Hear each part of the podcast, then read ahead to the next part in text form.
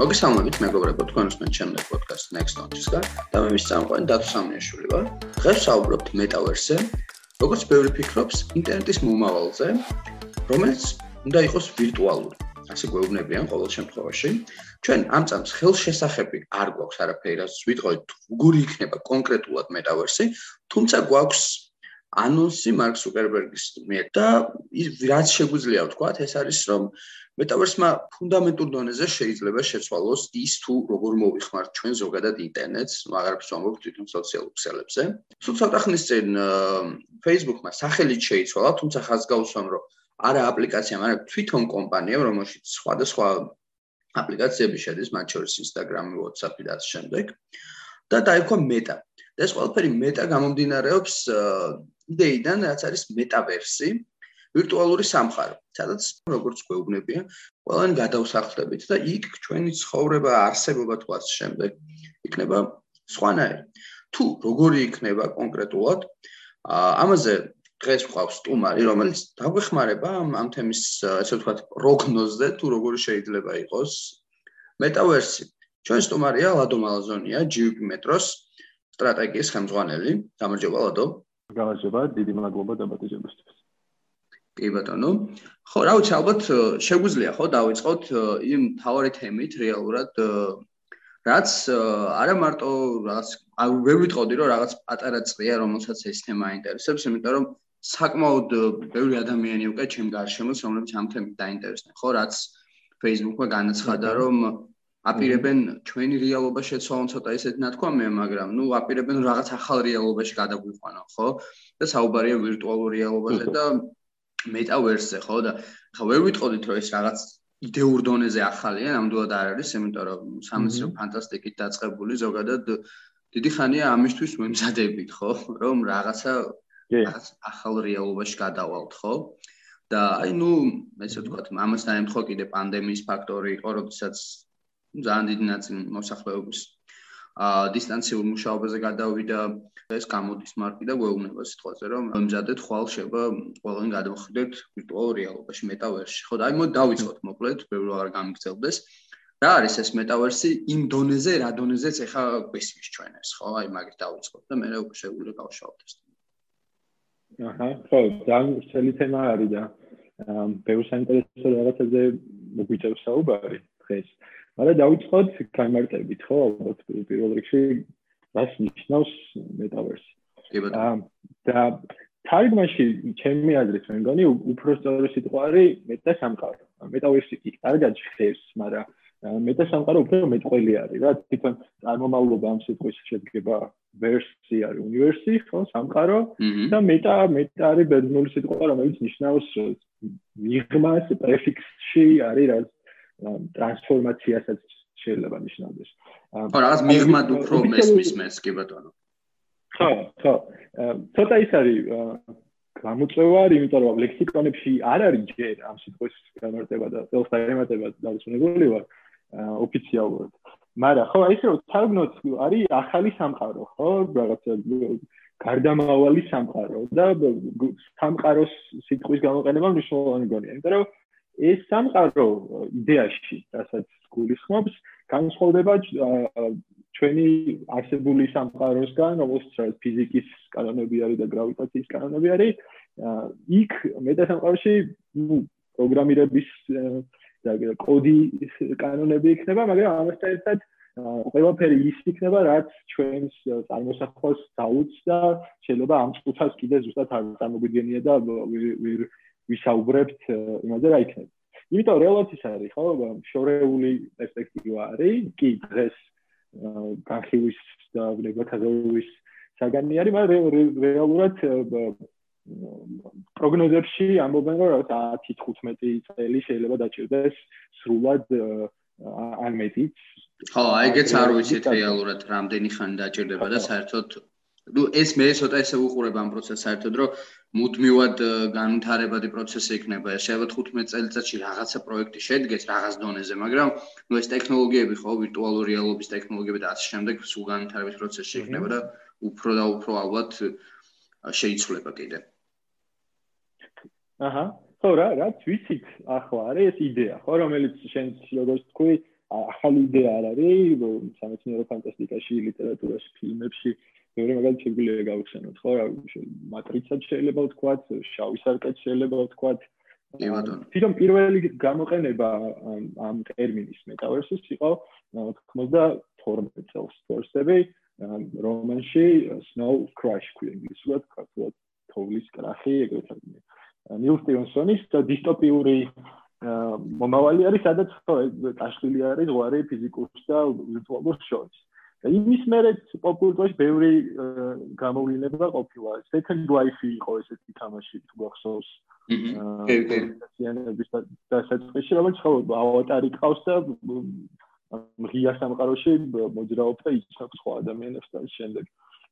ყველაზე ესეთი ცნობილი გამოვლინება არის სტივენ სპილბერგის ეკრანიზაცია Ready Player One, ხო? კი ბატონო. ყოველ თვალსაჩინო მაგალითად ეგ მოყავთ ხოლმე რომ რა შეიძლება იყოს ეგ ფილმი ყოველთვის არის ხოლმე რომ იდეა ძალიან კაია, პროსტა აი გადაღება არ მომწონს ხოლმე და აკაც მინდა აღნიშნო რაღაც აი ძალიან ძალიან მაგარი იდეა იყო და პროსტა რაღაც ისე ისე არის რა გადაღებული ჩემთვის რაღაც ხო, ის სიგნალზე არის დაფუძნებული და როგორც ეს ხდება, ეგრე ხდება ხოლმე მომავლის ჩვენება მარტივი არ არის ფილმში. და მოსახო უფრო შორს მიდის ხომ. მაგრამ ხო კი საინტერესო რაც არის რომ აი ამ ფილმებში თუ ლიტერატურაში პოპკულტურაში ძირითადად დისტოპიური კონტექსტი არის, ხო? ანუ საშიში გარემოები არის ხოლმე და გასაჭირშია კაცობრიობა მაგ დროს და ეხლა როგორც მინდის საუბარი და ეს მეტასამყაროს განხილვა არის პირიქით უკეთესი სამყაროს წარმოქმნა, სადაც ყველაფერი შეგვიძლია, ხო?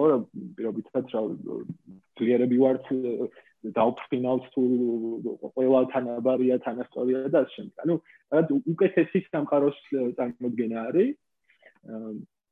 და ბევრი ფაქტორი არის, რაც ხელს უწყობს ამ თემის აქტუალურობას და იმას, რომ ეს იდეა მართლა იქცეს რეალურად. ბატონო, ხო და ხო, ხო, გისმენ. აჰა. ხო, ბევრი ფაქტორია თქო და რაც შეგვიძლია ვახსენოთ არის შედარება რენესანსთან, რომელიც შეიძლება ესე ხეს მამაკლა, მაგრამ აი პანდემია დაიწყო შარშან ძალიან ბევრი პროგნოზი იყო, რომ აი პოზიტიურად შევხედოთ მომავალს, იყო რომ ესეთი მნიშვნელოვანი კაცობრიობის კრიზისებს მოძებთ ხოლმე აღზევების პერიოდი, ხო და ყველაზე ესეთი პირდაპირ მაგალითი შავი ჭირი ევროპაში შუა საუკუნეებში, რომელიც დამანგრეველი იყო და შემდეგ მოყვა რენესანსის პერიოდი, აღზევების პერიოდი, როცა ყველა სხვანაირად დაიწყო ფიქრი და შეიქმნა ძალიან მნიშვნელოვანი შედევრები თუ ღირებულების მქონე ნამუშევრები, ხო? ეგ ესეთი ფონიც არის დღეს, მოლოდინი არის, რომ რაღაცა მნიშვნელოვანი შეიძლება შეიქმნას და გარკვეულად გონია რომ მაგ ცარიოს სივრცეს ავსებს ეს პროგნოზები და იდეა მეტავერსის შესახებ. ხო, ნუ მნიშვნელოვანი. ხო. მითხარი? არა, არა, გისმენ, გისმენ. აჰა. ხო, მე მეორე მნიშვნელოვანი ამბავი არის და საინტერესო ჩემთვის აი space race რაც იყო, ხო, კოსმოსური რბოლა საბჭოთა კავშირის და ამერიკას შორის ცივი ომის დროს, რომ რა შევეჯიბოთ ერთმანეთს და კოსმოსის დაპყრობაში, ხო, თუ ვინ უფრო მეტი წარმატება. კი, ვინ უფრო მალე აითვისებდა რაღაცას, კი ბატონო. ხო. დღეს ხდება ეგ დაახლოებით ეგეთი ტიპის შერკინება, ოღონდ არა ქვეყნებს შორის, არამედ დიდ კორპორაციებს შორის, ხო? და ზუსტად ახლა ამის მაგალითი არის Facebook-ის, ყოფილი Facebook-ის, ხო, უკვე მეტას ცდელობა, რომ აი მიისაკუთროს ქლიანად ეს თემა. მაგრამ კიდე ბევრი საინტერესო მოთამაშე არის მოთამაშე იმ გადაგებით რომ პირდაპირ თამაშების წარმოებლებიც არიან, ხო, Epic Games-ი, რომელიც Fortnite-ის შემქმნელი არის და კიდე რამდენიმე კომპანია, რომელიც ძალიან დიდ ფსონს აკეთებს ასეთ მომავალს. და ერთმანეთს ეჯიბრებიან, ხო? ვინ უფრო მეტ ინვესტიციას გააკეთებს, ვინ უფრო ბევრ ადამიანს დაასაქმებს, ვის უფრო ესეთი ჩამოყალიბებული და ეთიკური ხედვა ექნება ამ მომავლის რაც უნდა შეიქმნას, რაც ამ კონკურენტულ გარემოში უფრო და უფრო ბევრ ხელშესახებ ნაბიჯს აჩენს და უფრო და უფრო გვაახლოებს ამ მომავალთან. ამიტომ არის ძალიან აქტუალური თემა. მაგრამ ალბათ გაუბრუნდეთ განმარტებას, ხო? ძალიან შორს. კი ბატონო. წავიდეთ. პირველ რიგში განმარტეთ რა რას გულისხმობ, ხო? აი ყველაზე მარტივი განმარტება არის ინტერნეტი 3-დან 2. ხო? ან თუ თუ პირველი ინტერნეტი იყო რომელმაც რა დიდი გარღვევა მოახდინა და დააკავშირა რაღაცები ერთმანეთს, შემდეგ იყო ინტერნეტი, მობილური ინტერნეტი და სოციალური ქსელები, რომელშიც ახლა ვართ. მაგრამ ეს ინტერნეტი არის ორგანიზმილებიანი, ხო? ბრტყელი, შეგვიძლია ეგრეთ დავარქვათ და სკროლვადი. ინტერნეტი ო ეკრანებს ვართ მიჩერებული და ამ ეკრანების ყურებაში ვართ რაღაც შეზღუდულები, ხო, რეალურად ამ შეგვიძლია ეგრეთ ვთქვათ. აჰა, ხო, ეკრან ბრტყელ ეკრანებს ვართ მიჩერებულები და ნავიგაციის საშუალება არის სკროლვა, ხო? ზეიდან ქვევითან მარცხნიდან მარჯვნივ ნავიგაცია ესეთ ბრტყელ სივრცეზე და თავარი განსხვავება და საილუსტრაციო და ყველაზე ნაცვლად რაც ჩანს არის სამ განზომილებიანი ინტერნეტი, ხო? რომელშიც არის იმერსიული, შეგიძლია სრულად შეგნით შესვლა და ამისთვის არის საჭირო გარკვეული მოწყობილობების განვითარება, ხო? ამაში გულისხმობა VR და AR. პირველ რიგში ყველაზე მეტად. მაგრამ ხო, როცა საუბრობენ ამ მოწყობილობებს არ არის ისე რომ აუცილებლად ვირტუალური რეალობა უნდა იყოს, ხო? ან აუცილებლად ეს VR მოწყობილობა უნდა გეკეთოს თავზე, რომ გახდე მეტასამყაროს ნაწილი. უფრო მოკლე მომავალში და უფრო მეტად ხელმისაწვდომი გახდება AR, ანუ გაფართოებულ რეალობას ეგრეთ წარდგენა ხოლმე, ხო? გაფართოებული რეალობის სათვალეები, რომელიც იქნება დამატებული ციფრული ფენა არსებულ რეალობაზე, ხო? ანუ თავი განსხვავება VR და AR შორის ეგ არის რომ ვირტუალური რეალობა არის განსხვავებული ჩვენი აღქმისგან და ჩვენი სამყაროსთან გადავდივართ სადღაც სხვა რაღაც მოგზაურობთ სხვა ქვეყანაში და შეგვიძლია დავათვალიეროთ სხვანაირი სამყარო და AI არის რომ ჩვენ ვჩნდებით ჩვენ სამყაროში იმ გარემოში სადაც ვართ და რაღაცა ემატება ხო? მაგალითად შეგვიძლია ოთახში სადაც ვართ დავამატოთ დივანი და ვნახოთ როგორ მოუხდება ჩვენ ოთახის ინტერიერს ხო?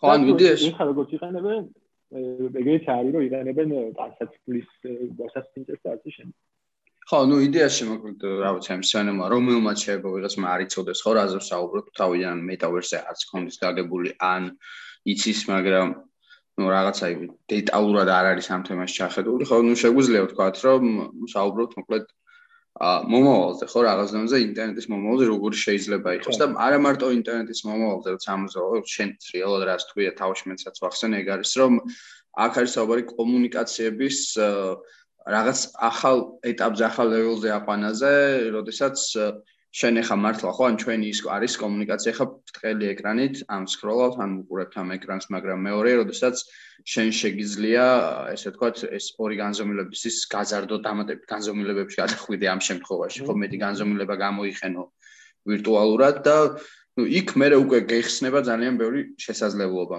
მაგალითად, ну როგორც მარკმას თქვა იქ ცუკერბერგმა რამდენჯერმე და ისედაც ამ გასაგებია თუ ეს ტექნოლოგიები განვითარდება და ესეთი სივრცე გაჩნდება, ну იქ შეიძლება რაღაც ადამიანს უფრო უფრო უფრო ისეთი კომუნიკაცია დაამყარო, ხო? უფრო ახლო კომუნიკაცია დაამყარო, ვიდრე ის რომ უბრალოდ ჩატით მიწერო. და ნუ იქ გაჩნდება ალბათ, ხო, რაღაც დონეზე სივრცეები, სადაც შეიძლება რაღაცა მოინახულო, მაგალითად, ხო? ანუ შენ შეიძლება გქონდეს, ეხა მე მაგალითად ამას ვუყურებ, რომ ეხა ხო არის აი რევოლუცია იყო რაღაც დონეზე, როდესაც გაჩნდა სოციალურ ქსელებში ზოგადად ეს შენი კედელი, ამ პროფილს რაც ეძახი, სადაც ნუ მე დროთა განმავლობაში სულ იხვეწებოდა და ეხლაც იხვეწება და ახლაც პროცესია, რომ მაგალითად შენი კედელი გაქვს, სადაც ნუ ეს თქვა შენ ხარ აქ ღმერთი, ხო, რაღაც დონეზე, ანუ ახლა ვიღაცა გადმოვა და აკომენტარებს ჩემს კედელზე რაღაც მე თუ მინდა ამის მივცემ ამის ნებართვას მინდა არ მივცემ მინდა წაუშვი ამ კომენტარს რაღაც cover-ს მე თვითონ გავიფორმებ ამ შემთხვევაში Facebook-ზე და ავატარს ხო რომ რაღაც აი ჩანასახივით არის მართლა რომ შეხედო პატარა მინიატურული სამყაროები გვაქვს ამ შემთხვევაში Facebook-დან ისე Facebook-დან ამოვიდეთ ამ Facebook-ზეც.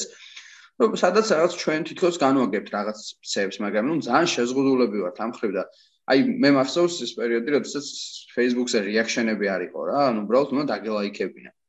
და როდესაც ეს რეაქშენები დაემატა ან მაშინ ცოტა გამიკვირდა და ბევრს უკვირდა ეს მაგრამ ფაქტია რომ გაამართლა ხო ამ რეაქშენებმა და დღეს სუელი პოსტები რო გვიგდებს ხოლმე მარტო ლაიქი რო აქვს ძალიან მოსაწყენად ჩანს ხოლმე რა.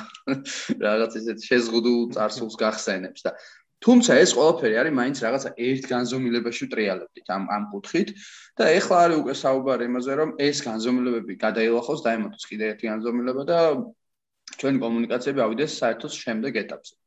ხო ეს გასაგებია და ნუ ეს შენ სახსენე რომ არის დაკავშირებული ვირტუალურ რეალობის ზოგადად ტექნოლოგიებთან ხო თუმცა აი აი ამაზე მინდა ახლა ეს კითხო რომ ან როდესაც საუბრობთ ასეთ მომავალზე ხო? მესმის რომ ახლა ეს რთულია რომ კონკრეტულად რაღაც ვთქვათ მაგრამ არის ის რომ აი თავიდან რომ გამოჩნდა VR ტექნოლოგიები იყო ძალიან დიდი ბუმი და იმედები და პერსპექტივები ალბათ გემოსება რომ ну რაღაცაი ძალიან ცოტა ხანში მოკლედ ამ ამის ყოველფერს უნდა ჩაინაცვლებინა თითქმის ჩვენი რეალობა და წაიშლება ზღვარი ამობდნენ მაშინ სად არის რეალობა და სად ვირტუალური რეალობა და იქმნებოდა სხვათა შორის რაღაც სტარტაპები როგორ ხო ანუ გაიქმნებოდა ესეთ სტარტაპები რომლებიც აი ეხა ერთ სახელს ვეღარ ვიხსენებ ზუსტად ერთ-ერთი კომპანია იყო ესეთი რომელიც ძალიან ასობით მილიონი ჩაიდო მასში და ამბობდნენ რომ აი всё რა ჩვენ დღეს არა და ხვალ ნახავთ რეალობას შეგიცვლით და ეს კომპანია დღეს მის აქციები ძალიან დაეცა და ვერც ვერ შევა სახელსაც კი ვერ უხსენებ ხო. ხო და ეს მოხდა ფაქტია, რომ ეს ტექნოლოგიები ცოტა ანუ ის რაც მოლოდინი იყო, ისე ვერ განვითარდა. ხო და აი გაჩნდა ესეთი თქვა და მგონია რომ არა მარტო მე გამიშტებოდა რომ აა, როდესაც მარკი ესეთ რაღაცას აანონსებს, ხო? ერთია სურვილი, მეორეა მზადყოფნა ჩვენი, იმიტომ რომ ლიტერატურული დაწყებული კულტურა ჩვენ მართლა მზად ვართ რაღაც დონეზე ამისთვის რა. ამ კოვიდ სიტუაციამ კიდე უფრო გააჩინა ეს მოთხოვნება, რომ დისტანციურად უფრო კომპლექსური კომუნიკაცია გქონდეს. ხო და რამდენად არის მზად ტექნოლოგიები შენი აზრით, რომ ამას აუბას მხარი, ესე ვთქვათ რა. ანუ რამდენად არის ეს ვირტუალური გინ დამატებითი რეალობის, augmented reality-ის ტექნოლოგიები ამ ყოველფერში მზად შენი აზრით, აი ეგ მაინტერესებს. რომ აუბათ აი ამ რაღაც ახალ ტალღას. ხო, სანამ უშუალოდ ტექნოლოგიებზე ვისაუბრებთ, ალბათ აღსანიშნავია ზოგადად განწყობები და საჭიროებები და ადამიანები ვართ თუ არა მზად. და ეგ გამოჩინა პანდემიამ, ხო, პოსტ პანდემიურ პანდემიურმა გარემომ და იმდენად დაჩქარდა ტექნოლოგიებზე მოთხოვნაც და თვითონ ტექნოლოგიების განვითარებაც, რომ რაც უპროცენტ უპროცენტენტო ხო და ექსელერაცია არის ეს ტერმინი მაგას ეძახიან დაჩქარებას და განვითარებას რა. ანუ ერთი მხრივ მოხდა რომ ადამიანებმა უფრო და უფრო მეტი დრო დაუთმეს ტექნოლოგიას და ამაში გულისხმობა გეიმინგი დიდწილად თამაშებმა ჩაანაცვლეს გარკვეულწილად მაგრამ კიდე ცალკე სამყაროა მართალი კი ხო დიდი და დიდი ნაწილი არის მეტავერსის გეიმინგი ზოგადად. და ხო აი თამაშებმა ჩაანაცვლეს სოციალური ქსელები გარკვეულწილად რა ჩატ ჩატზე მეტი გამოვიდა როცა რაღაც შეგიძლია მეგობრებთან ერთად რაღაც უცხო გარემოში მოგზაურო, სადაც კონკრეტული მიზანი გაქვს თამაშობ ეჯიბრებით ერთმანეთს თუ გუნდურად მოგვაწევთ, მაგრამ თან კურსესმენებით ხდება კომუნიკაცია და აკმაყოფილებს სოციალიზაციის მოთხოვნას, მაგრამ არის უფრო მეტი. ამაზე დაყრდნობით არის პროგნოზი ზუსტად ამ მეტავერსის საფუძვლიანობის, მაგრამ ხო, მეორე მხრივ ტექნოლოგიებიც ვითარდება, ხო? ეს მოწყობილობები, გაჯეტები, რაც ადრე უფრო იყო ძვირი და ესე ძიმე და მოუქნელი, დღეს უფრო და უფრო ხელმისაწვდომი და იაფი ხდება. ეფლი აკეთებს პრობლემ სხვადასხვა პროგრამით მომავალ წელს ან იმის შემდეგ წელს ყველაზე გვიან ექნება როგორც AR სათვალეები, ისე VR headset-ები და ეფლი ხო ესეთი ბრენდი არის რა, რომ ყოველთვის ცდილობს რომ ზუსტად შემოვიდეს ბაზარზე, ხო, არც ადრე, არც გვიან. და ჩემი ეგეც იმის ნიშანი არის, რომ ხალხი მზად არის მიიღოს უკვე ეს ინოვაცია და არც ნადრევი არ იქნება. კიდე არის 5G-ის თემაც, ხო, ძალიან იმისთვის რომ ეს ხედვა და ნადის სიჩქარე კი ბატონო. ხო, ძალიან მნიშვნელოვანია რომ არ შეფერხებები არ იყოს და 5G მოგვცემს მაგის საშუალებას. და ხო ეს სხვადასხვა რეალობის ტექნოლოგიები ხო VR-თან AR-თან ერთად კიდე ასახელებენ MR-ს mixed reality შერეული რეალობა რომელიც ორივეს იყენებს. და ხო ან თუ VR იქნება ალბათ ესეთი სახლის მოხმარებისთვის AR სათვალეები იქნება უფრო მეტად გარეთ ყოველდღიურად მოხმარების ინსტრუმენტი მაგრამ ეს ეს ორივე ინსტრუმენტი არის პირველი შეხების წერტილი, ხო?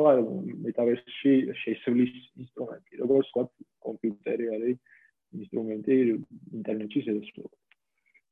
მაგრამ თავი თემა არის შიგნით რა იქნება, ხო? როგორი სამყარო იქნება. კი ბატონო. ხო, და აი როგორი იქნება შიგნით და რამდენად შეუძლებთ შენი აზრით, კიდაც აი ამ ტექნოლოგიებით რა ტექნოლოგიებით ეს დღეს ვართ, რომ ახლო მომავალში აღმოჩნდეთ ამ სამყაროში. და ეს სამყარო იყოს დამაჯერებელი, ხო? ანუ აი ეგ არის, რომ რამდენად დამაჯერებელი იქნება ერთია რომ რაღაც შეუქმნათ, მეორეა რომ ეს დამაჯერებელი იყოს და რაღაც დონეზე ну, რა თქმა უნდა, ბოლომდები რა, მაგრამ რაღაც დონეზე ჩაანაცვლოს რაღაცები, ის რაც დღეს გვაქვს სიტყვა დემატერიალურ სამყაროში. აი მაგას მომი. აჰა. ხო, პირველ ეტაპზე ალბათ მაგაში ძალიან დიდი როლი ექნებათ კრეატორებს, შემქმნელებს, დეველოპერებს, დიზაინერებს, ну ადამიანებს, ხო, ვინც ახალი თელი თელი სამყარო არის შესაქმნელი. მოთხოვნა არის ძალიან დიდი ესეთ კომპეტენტურ მუშაკებზე, რომლებიც გაასახლებენ ამ სამყაროს ეგრევე დავარქვათ და ნუ შექმნიან ხო სამყაროს წესებს. ამიტომ გონია რომ და უკვე არის მაგის ნიშნები რომ ძალიან დიდი ახალისება იქნება კრეატორების რომ შექმნან და მონაწილეობა მიიღონ ამ ახალი სამყაროს აშენებაში. და თქვა იგივე მეტამ მეტას დაუძახებ ხოლმე Facebook-ს. მეტამ თქვა რომ ჩვენ უფრო მეტად წავახალისებთ კრეატორებს და თუ თქვათ საკომისიოების სხვაგან ბევრი არის ჩვენთან არ იქნება და პირიქით ხარს დაუჭერთ და ასე შემდეგ. ხო, ანუ ადამიანების როლი არის დიდი და შემდეგ უკვე ხო, იმდენ სამბეჭდავი უნდა იყოს ის გარემო, რომ ათვისება მოხდეს მარტივად და სწრაფად. მაგრამ ნუ რეალურად ხო არის ცალ ლაპარაკი, მართლა ძალიან შტამბეჭ და გამოცდილებაზე არის, ხო? რომ წარმოვიდგინოთ სხვა ქალაქში მოგზაურობა, თქვა, ხო? დაახლოებით გავსი იქნება უბრალოდ სხვა ქალაქში კი არა შეგიძლია სამყაროში, სხვა სამყარო, რომელ სამყაროშიც კიდე იმაშიც იმაში მოხდე ტელეპორტაციით, ხო? წამიერად. აი და ცოტა მოგზაურობის გაგებასაც შეცვლის. ხო თუ თუ დღეს მოგზაურობა შეიძლება ჩვენთვის არის მაგაცა ის რაც ითანს უნდა დაგეგმო და მე ცხოვრების რამდენიმე დღე თუ კვირა დაუთმო და გადაფრინდე სადღაც და წამოიღო ეს თავისუფლებები ამ ვირტუალურ რეალობაში შეიძლება იყოს ყოველდღე სადილის შემდეგ 5 წუთი დაუთმო იმას, რომ გადა ტელეპორტირდე სადღაც სხვა ქვეყანაში, ან სხვა პლანეტაზე, ან საერთოდ სხვა საუკუნეში, წარსულში მოგზაურობა შეიძლება იქნება, თუმცა არა, ხო? ეგეთ მაგალითები არის თამაშებში. ხო, ალბათ გულისხმობ იმას, რომ შექმნა რაღაც რეალობა, რომელშიც აა სიმულირებას მოახდენ, ხო, იმის და იქ გადავატიპე მაგალითად და ნახავს რაღაც რა ხდებოდა ამ დროს, მაგას გულისხმობ, ხო, ალბათ. ხო, აი Assassin's Creed-ი არის ეგეთი თამაში, რომელშიც მოდელირებული ეპოქები არის, ხო? სხვადასხვა ქვეყნის, სხვადასხვა ესეთი მნიშვნელოვანი მომენტი ისტორიაში, სადაც მე შენ შენ თამაშობ და ნუ რაღაცა მისია გაქვს და იზანი გაქვს. მაგრამ ხო რატო ვიხსენებ მაგას, იმიტომ რომ იმდენად ზუსტი ზუსტად იყო შექმნილი პარიზი, ხო, შუა საუკუნეების, რომ როცა ნოტრდამი ღვთისმშობლის ტაძარი დაიწვა, შემდეგ ამ თამაშის არქიტექტურული მოდელის მიხედვით აღადგინეს. ხო, ანუ შემამისად რაც შესაძლებელი არის თამაშებში, ზუსტად ეგ იგივენაირად შესაძლებელი იქნება მეტავერსში, რომ ვიღაცები შექმნიან სამყაროებს წარსულიდან, ვიღაცები შექმნიან სამყაროებს მომავლიდან, ვიღაცები შექმნიან მაქსიმალურად იმის გავსებულ სამყაროებს რეალურთან, ხო?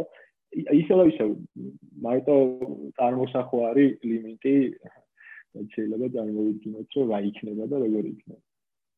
ო, ნუ ეს არის რომ რეალურად წარმოსახვა არის და მეორეა ტექნოლოგიურად ისევ სად მივდივართ, ხო? სადამდე შეგვიძლია რომ ეს შევძლოთ, ამდენ მოგცემს ამის საშუალებას. ერთი არის ვირტუალური რეალობის ტექნოლოგიები და მეორეა მან ну, კიდეც კომპიუტერული შესაძლებლობები, ხო? ანუ აქ რაღაც დონეზე დაგვჭირდება, რომ კომპიუტერები იყოს ძლიერი, ხო? ანუ რაც გვაქვს. ხო, და მოიხარ.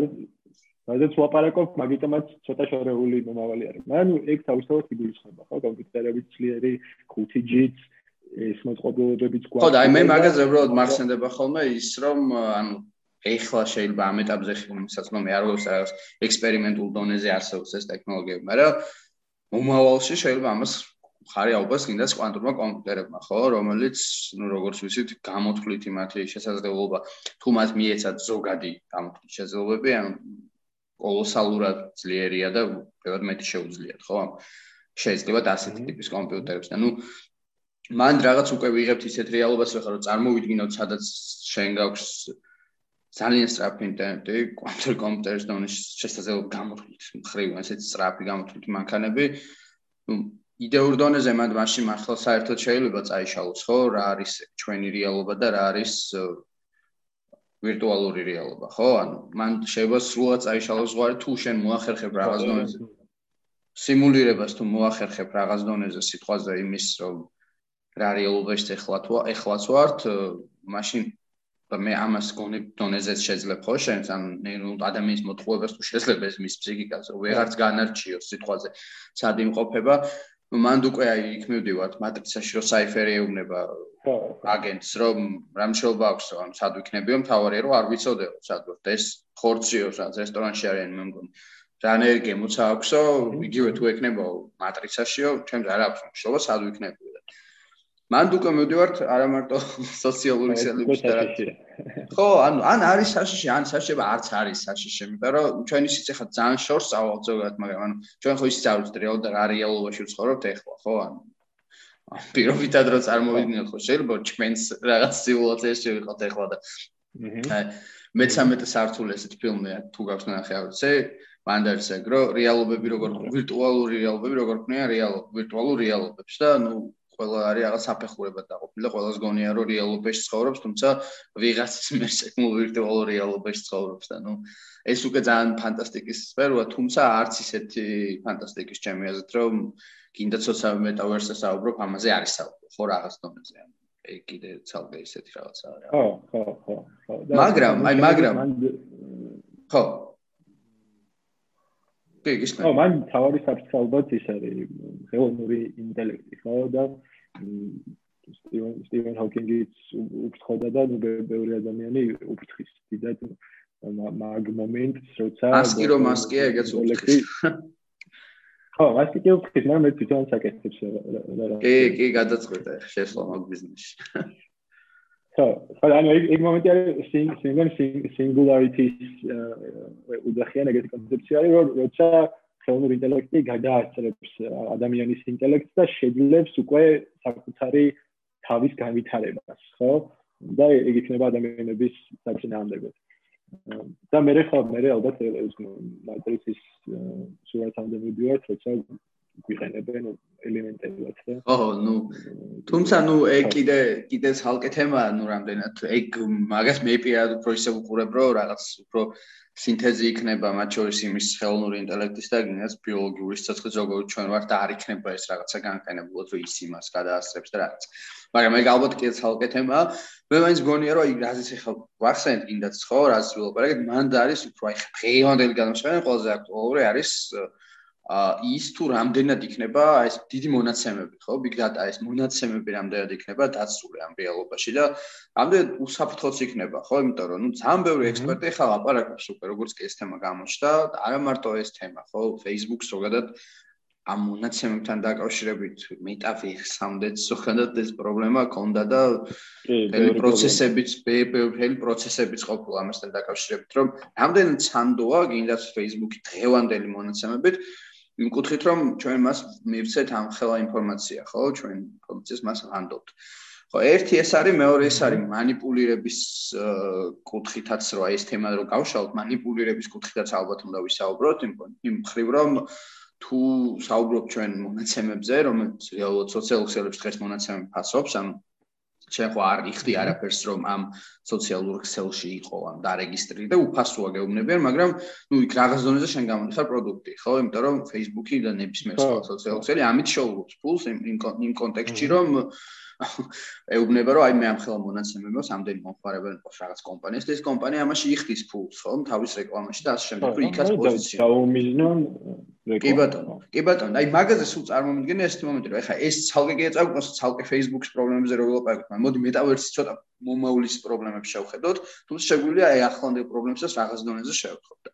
აი მაგის თქმა მინდოდა რომ ანუ როგორ წარმოგიდგენია აი ამ პრობლემების ფონზე, როცა დღეს უკვე არსებობს ესეთი პრობლემები, მათ შორის აი ეს COVID-ის თემა ნებისმიერ საკითხში ვერაუბლი გვერდს რა, იმიტომ რომ აი ხა აი ამ სოციალური ქსელების ის რომ ზოგადად ინტერნეტის მოხმარების პრობლემა რო საზოგადოებას ეგ გვიჩვენა კორონას ფაქტორმას და ეს ანტივაქსერული მოძრაობებმა ხო რეალურად იმიტომ რომ ძალიან სერიოზული პრობლემა გააჩინა მაგან ანუ ადამიანები რომლებიც ნაკლებად იყვნენ კონსპირაციულ თეორიებში ისეთი შთაბეჭდილება ჩნდება, რომ ეხა უფრო მეტი ჩაება ამ კონსპირაციულ თეორიებში, იმიტომ რომ როგორც კი ეს თემა გააქტიურდა, ეს ვაქცინაციის ზოგადად ვირუსის, ну შეთქმულების თეორიები უფრო და უფრო გააქტიურდა და შესაბამისად ეს ტიპები ეს მომხმარებლები ესე ვთქვათ, რომლებიც შეუგნებლო თუ შეგნებულად დეзинფორმაციას ავრცელებენ, უფრო და უფრო გააქტიურდნენ და უფრო და უფრო ბევრ ადამიანს მოახვიეს თავზე ეს.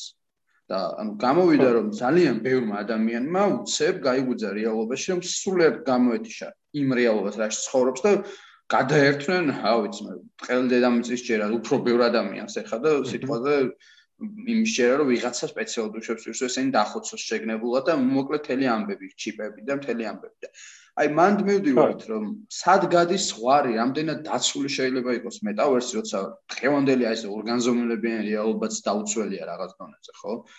და ან თავად პრობლემა კიდე რა არის დაუცველობაზე რომ ამბობ რომ სოციალურ ქსელებს რაღაც დონეზე აწყობთ ეგ, იმიტომ რომ ხედავენ მომხმარებელს, რომელიც აი მაგალითად არის ადამიანი, რომელსაც ეჭვები აქვს სიტყვა და ვაქცინაციასთან დაკავშირებით და ერთიოს რაღაც ანტივაქსერულს დასერჩავს და უცებ ამოყობს მაგრიალობაში თავს რა და მე უფრო უჩნდება შტაბეჭო რომ ო მართლა თურმე ყველა ესე ფიქრობს და მე უფრო მე დროს ატარებს სიტყვაზე ამ სოციალურ რაღაც რაღაც ჯგუფებში და ასე შემდეგ ხო და მე გამოდის რომ ამ სოციალურსაც უფრო აქტიურად მოიხმარს, თუმცა ამ სოციალურსაც რეალურად მოიხმარს იმისთვის, რომ სრულ დეзинფორმაციაში გაეხოს, მე სხვაც მოატყუოს ამ შეგნებულად თუ შეუგნებლად და მე ბოლოდე ადამიანის სიცხეზე ისახება რა. აი რა იქნება მეტავერში მაგხრივ, როგორ წარმოგიდგენთ და რამდენად დაცული შეიძლება იყოს და რამდენად არ შეიძლება იყოს დაცული, მე თვითონ ესე იქ უფრო მარტივი იქნება სავარაუდოდ манипулირება ვიზუალური ფაქტორის და დაემატება ამ ყველაფერს, ხო?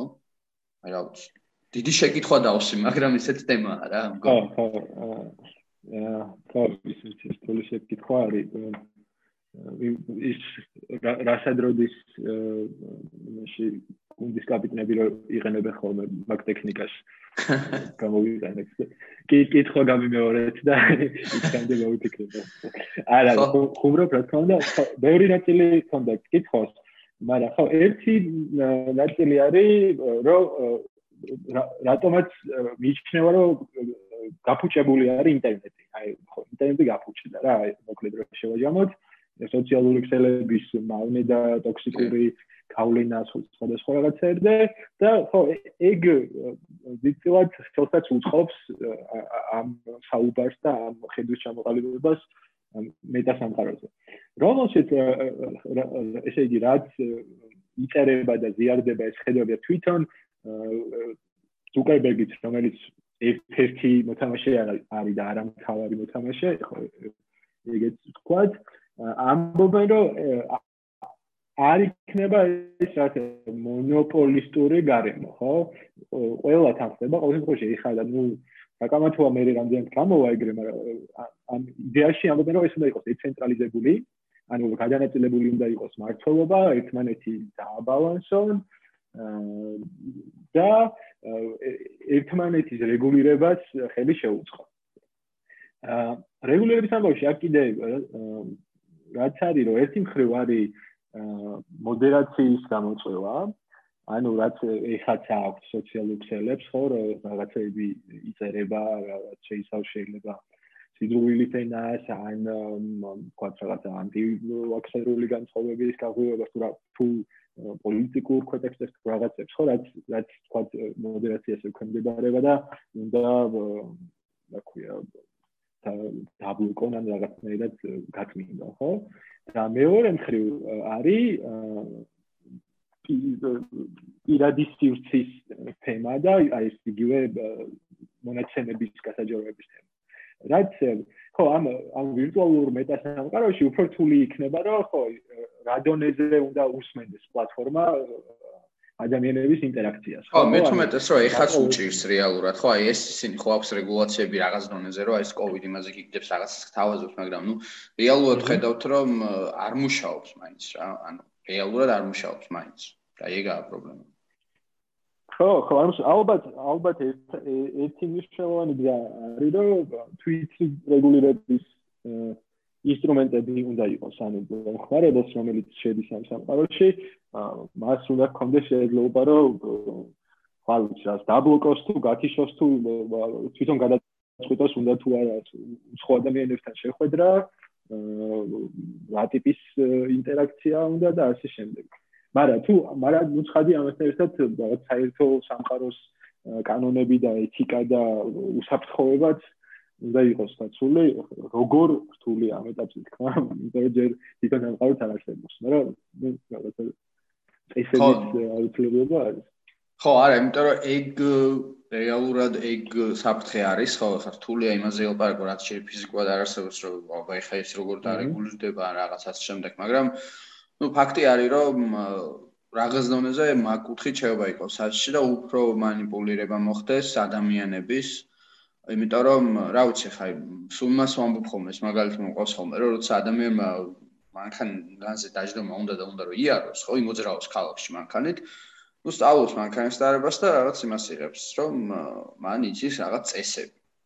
ხო და ინტერნეტ შემთხვევაში ეს არ არსებობს რეალურად ან ნებისმიერ შეუულია რომ გახსნას ლეპტოპი ან smartphone-ი და დარეგისტრიროს ნებისმიერ სოციალურ ქსელში არა მარტო სოციალურ ქსელში ჩაწეროს Google-ში რაც უნდა ну всё რა ჩაშვებულია ამ სამყაროში მაგრამ როგორ მოიხმარს ანუ როგორ მოიხმარში გულისხმობ იმას რომ რამდენად აქვს მას რაღაც ზონაზე კულტურა იმის რასაც ქვია ინტერნეტის მოხმარება იმიტომ რომ ჩვენ თუ ყველა წყაროს იღებ იმათ რომ ეს რეალურია ვიღაც ტიპს რო გიგდებს ახლა მაგალითად რო ზის და ლაპარაკობს რომ სამყარო ისე რა ქვია დედამიწა ბრტყელია და ვიღაცები გვისმენენ უცხო პლანეტელები გვითვალთვალებენ ჩუმად ოთახში ზიან და რაღაცები შენ თუ არ გაქვს იმისის რომ ეს ტიპი გადაამოწმო როგორც მინიმუმ ხო? ანუ ან ან სტატიას უგებთან პირველ წყაროებს რაღაც დონეზე მიაქციო. ყურადღება ძალიან მარტივია რომ უბრალოდ გაიგვიძო იმაში რა რეალობაში სადაც აი ესეთ რაღაცებს გჯერა და მე რა შენ თვითონ ხსნი YouTube channel-ს აკეთებ და იწყებ შენ თვითონაც ამ ვიდეოებს ჩაწერს და იგივე სხვები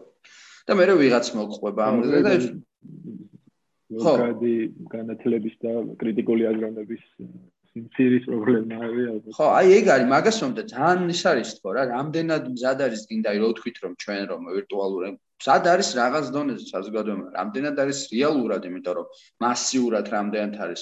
რამდენად შეიძლება ამან რეალურად ადამიანებს ხო რაღაც დონეზე დაუნგრიოს სიცოცხლე ცხოვრება ესეთ ნათქვამია და პათეტიკური, მაგრამ ნუ აი აურიოს როგორც მინიმუმ ძალიან, იმიტომ რომ აი ის მომენტია რა კიდე წარმოიდგინე აი მომავალი თაობები რა ჩვენზე კიდე პატარა თაობები რომლებიც აი თაობა რომელიც გაიზარდა სოციალური ქსელებში მაგალითად. ეხლა მე მაგალითად იმ თაობას მივეკუთვნები რომ აა ძალიან პატარობიდან მოვიხმარ სოციალურ ქსელებში მაგრამ ახსოვს ცხოვრება სოციალურ ქსელების გარეშე და ნუ რაღაც ვიცი როგორი იყო. მაგრამ ხო არის თაობები უკვე რომლებიც არიციან. სოციალურ ქსელებს ბავშვობიდან და მოყვებიან და აი მან ხო ხო. მან არის როგორი რაღაცა იცი ხო, მან არის ესეთი რაღაცა, მაგის მინდა, ხო, რომ ანუ ეს ბავშვები, ანუ გარდა იმისა, რომ მათ უფრო აქვთ მოხმარების კულტურა და ექნებათ ბუნებრივი. არის მეორე მომენტები, აი სპეციალური ისინი ხო არსებობს რა, აი ა სახის დამუშავება, სპეციალური აპლიკაციები, რომელიც ამუშავებს მაგალითად სახეს და ადამიანები ხო არიან სელფებს და რაღაცებს უთვირთავენ, დამუშავებულ ფოტოებს უთვირთავენ რა, წარმოიდგინეთ. და ბავშვი რომელიც მაგალითად პატარა ასაკიდან იწყებს ამის გამოყენებას ამ აპლიკაციების და პოზიციონირებს სხვადასხვა სოციალურ ქსელებში ამით. ან პირობითად მას აქვს მიაჩნია მას ესე ვთქვათ რომ აქვს რაღაც ხვირის ნაკლი. მას ესე მიაჩნია შეიძლება აქვს შეიძლება არ აქვს, მაგრამ მას ესე მიაჩნია და ამ ხვირის ფორმას თავის იმით ცვლის და დებს ესე ხო სოციალურ ქსელებში დებს დებს ამას და ვიღაცები უმეტესობა მას ესე იცნობენ.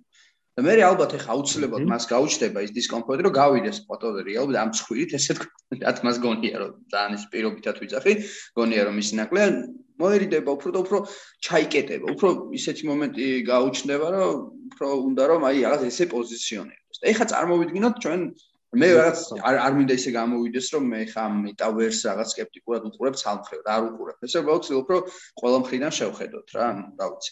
ხო და მოკ იმის გამომდინარე ხო, ან წარმოიდგინე ხა ადამიანი, რომელიც აი ამ რეალობაში იზრდება, პატარობიდან ამ რეალობაში იზრდება და არა მარტო სელფის დადების საშუალება ეძლევა, ხო, არამედ ეძლევა საშუალება შეიცნოს ახალი ადამიანები, პირდაპირ მნიშვნელობით გაიცნოს ისინი, დაათვალიეროს სხვადასხვა ადგილები და იქ აუცილებლად შეძლებს ის, რომ ვიზუალურ დონეზე ისე გამოიყურებოდეს, როგორც უნდა. და ამაში თავისთავად პრობლემა ვაფშე არ არის, თუ არ ვტოვებთ იმ მომენტს, რომ მან რაღაც დონეზე რეალიზება უნდა მოახდინოს აქეთ რეალობაშიც რა. ხო და აი ამან მგონია რომ შეიძლება ძალიან ბევრ პატარა თაობებს ძალიან დიდი პრობლემები შეუქმნას მათ შორის ეს დეპრესიული მიდრეკლებები და ისინი გაუღვივოს იმიტომ რომ საერთოდ გამოეთიშნონ ამ რეალობას ბოლომდე იქ გადაეშნენ და ანუ რაღაც ზონეზე როცა დაჭირდებათ სხვა რეალობაც სიტყვაზე ძალიან გაუჭirdეთ მათი მოცემულობით იმ რეალობაში რეალიზება და აი ამას როგორ უყურებ შენ ანუ აი ეს პრობლემები არ შეიძლება იმიტომ რომ მე ზოგადად ძალიან ისე უყურებ ამ მომავალს მე მგონია რომ ვირტუალური რეალობები ისე განვითარდება, რომ მართლა ზღვარი ძალიან წაიშლება ჩაოლებრივ და რა მაგაში თუ ხედავ პრობლემას, პირობითად ხვალ ვირტუალური რეალობაში ვიცხოვროთ ყველა, ყველა. თუ განსხვავება არ იქნება, ხო? თუ მე ყველაფერს გავაკეთებ, რაც აქ ვაკეთებ სიტყვაზე, ну, რა მნიშვნელობა აქვს ამ ვიქნები, მაგრამ მანამ ეს პროცესი დადგებოდა ეს ერთ-ორ დღეში ვერ დადგება, მთელი თაობები გაივლიან რაღაც დონეზე ამ გარდატეხის პროცესს და ეს გარდატეხის პროცესი როგორ ფიქრობ? რამდენად შეიძლება ეს იყოს თაობების ცვლა მაგრამ და იდენტობის დაცვის გამოხატვის საკითხიც ძალიან საინტერესო არის და მაგალითად მივალ მაგერ იცი რა არის კიდე ჩვენ თუ გავიზარდეთ სოციალური ქსელების ეპოქაში და მიდაჭულობა გვაქვს შეიძლება სოციალური ქსელებზე და ინტერნეტის საკითხზე ეხლა რაც ხდება საქართველოსიც მათ შორის ხო? ბავშვები ჯე ისა თაობა ალფა ხო? ეგრე ხიან ჯენზის ქვევიტრაცალ ბავშვები თამაშობენ რას თამაშობენ ხო? რობლოქს და ჰმმ ძირითადად.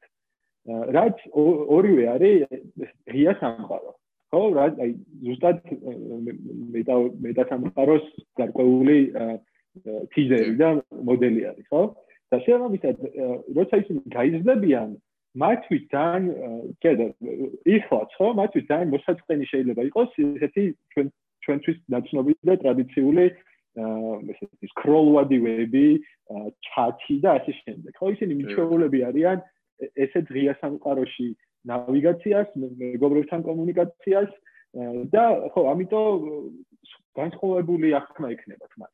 მაგრამ ხო, თვით გამოხატვაც და იდენტობაც ამისი მნიშვნელოვანი ნაწილი არის. ეხლა კიდე რაც ის არის, რა ქვია, მაგ თემაში საინტერესო არის, ეხლა ამერიკულ არხზე, მე მგონი Fox-ზე, გადის ეგეთი შოუ Alter Ego ქვია, თუ იცი? არა. და ხო, ამ ზუსტად მეტა მეტა კონცეფცია არის იქაც რა, მუსიკალური რეალიტი შოუ არის, როგორიც ბევრი გვინახავს, მაგრამ განსხვავება იმაში არის, რომ მონაწილეები თვითონ არ ჩანან, ანუ ღერიან სცენის მიღმა, კულისებს მიღმა და ხელზე აქვს დამაგრებული სენსორები, რომელიც ტრანსფორმაციას აკეთებს და ავატარად აკეთებს. ანუ ჟიური, რომელშიც ცნობილი ადამიანები არიან, ჟიური ხედავს ავატარს, რომელიც ასრულებს ხო მომავლის ამბავია, მაგრამ მართლა ხდება დღეს შეგიძლია დასერჩო. Black Mirror-ს ერთ-ერთ სერიაში წაი რაღაცა გეტონე და კი. იქ აუდიტორიაც ეგეთია, ავატარებით ვიციან, ეს აუდიტორია ეგრე ჩაწერა შოუში. ხა. მაგრამ ეხლა ნახე, როგორ ფუნქციონალ ამას? და საინტერესო რა არის, დაპირება არის, რომ ხო რა, სუდიდესაში კი არა, პირიქით, ანუ ამ ამ ადამიანებს კონდათ რაღაცა კომპლექსი ან თვითგამოხატვის პრობლემა, აი, შხაპში რომ ღერი და სხვაგან რა შეგილია, ხო? ეგ ინსაიტი ხო არსებობს. იგივენაირად ხო ანუ ესენი ამბობენ რომ აი ავატარების გამოყენებით ჩვენ შევძელით რომ დაგვეძლია კომპლექსი და გამოსულიყავ სცენაზე და ეხა უფრო მაყოფილი ვარ ჩემი ხეულით თუ ასე შემდეგ. ამიტომ ხო ეგ ზღვარი ძალიან ის არის ხებია და იშლება, მაგრამ შეიძლება კმაყოფილება ადამიანმა მიიღოს ვირტუალური გამოცდილებით, ხო? და ეს ემოციური საჭიროება დაიკმაყოფილოს იმითი რომ მის მისი ავატარი კარგად გამოიყურება თქვათ ხო საინტერესო თავგადასავლებში არის და შენ ზუსტად მაგაზე არის დაუცნებული მეტა სამყაროს ეკონომიკა. ეგეც კიდე ცალკე თემა არის და საინტერესო არის მაგრამ უკვე დღეს ძალიან ბევრი რაღაცის მონეტიზაცია ხდება ანუ რაღაც იყიდება ანუ ციფრული განსაცმლის სახლები არის უკვე ექსკლუზიურად მარტო ციფრულ fashions knis და ედიან დასაცმელებს რომელიც მარტო შეგიძლია ავატარებს ჩააცვა და მე ის NFT-ებად იყიდება ძალიან ბევრი მილიონებად და ასევე ისე ცნობილი ბრენდებიც Gucci-ც და Balenciaga-ც და ძალიან ბევრი ესე დამყარებული fashion ბრენდი ქმნის ვირტუალურ ტრანსაქციას, ხო, რომელიც რაღაც თამაშებში ინტეგრაციას აკეთებენ და იქ შეუძლიათ გამოცადონ და მე მე რეალურად იყიდება ან მხოლოდ იქ რჩება ვირტუალურ სამყაროში.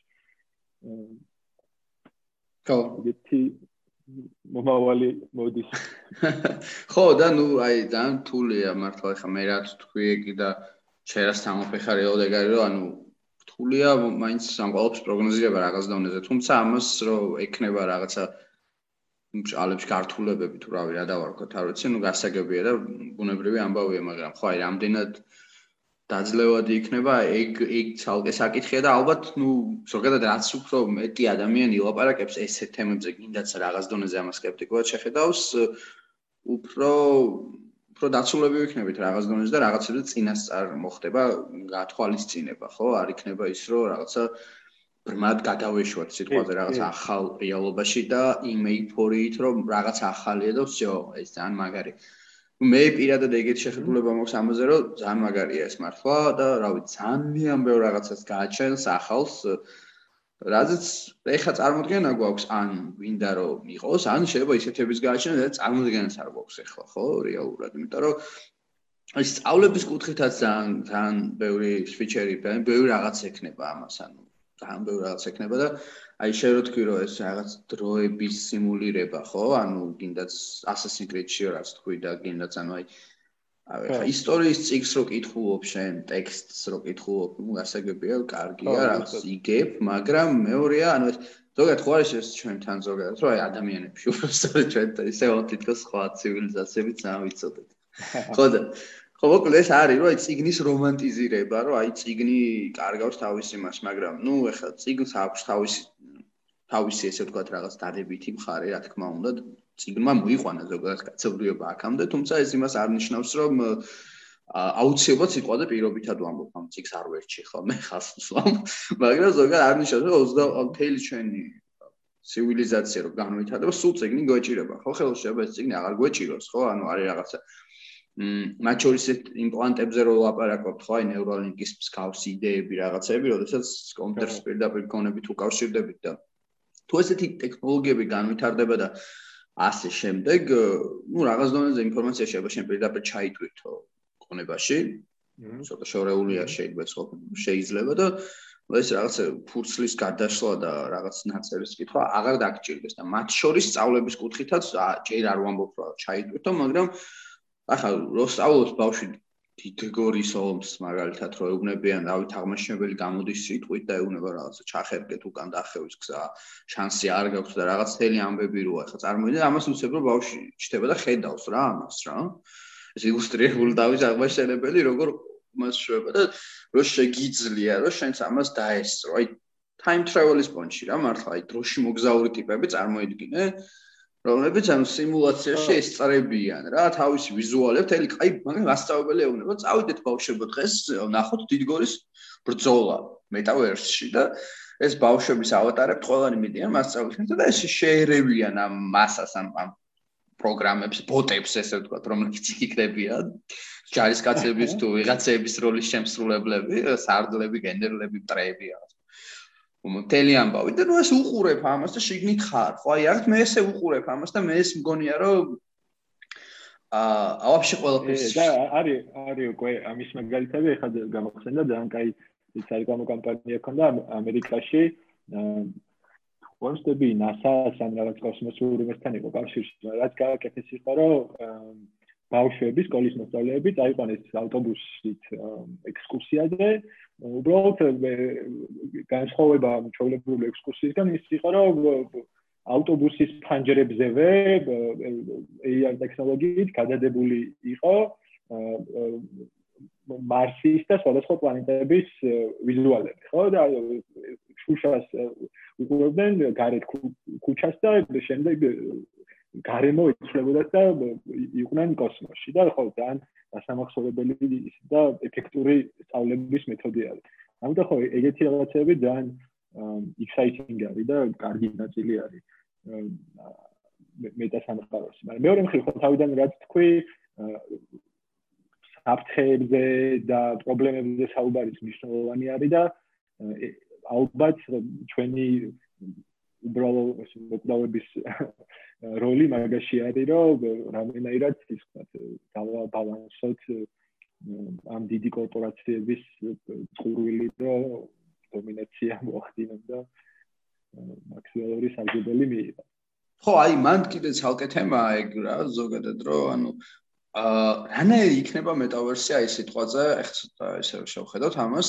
რანაირი იქნება იმ კუთხით, ანუ აი კონკურენციის კუთხით, ხო? აა ნუ ვისი იქნება, აი ეგიც ცალკე საკითხია, ძალიან მნიშვნელოვანია, ანუ იქნება ეს სიტყვაზე მონოპოლიური რაღაცა ის სიტყვაზე მარკის ახდენილი ოცნება თუ იქნება ამაში ჩართული ყველა.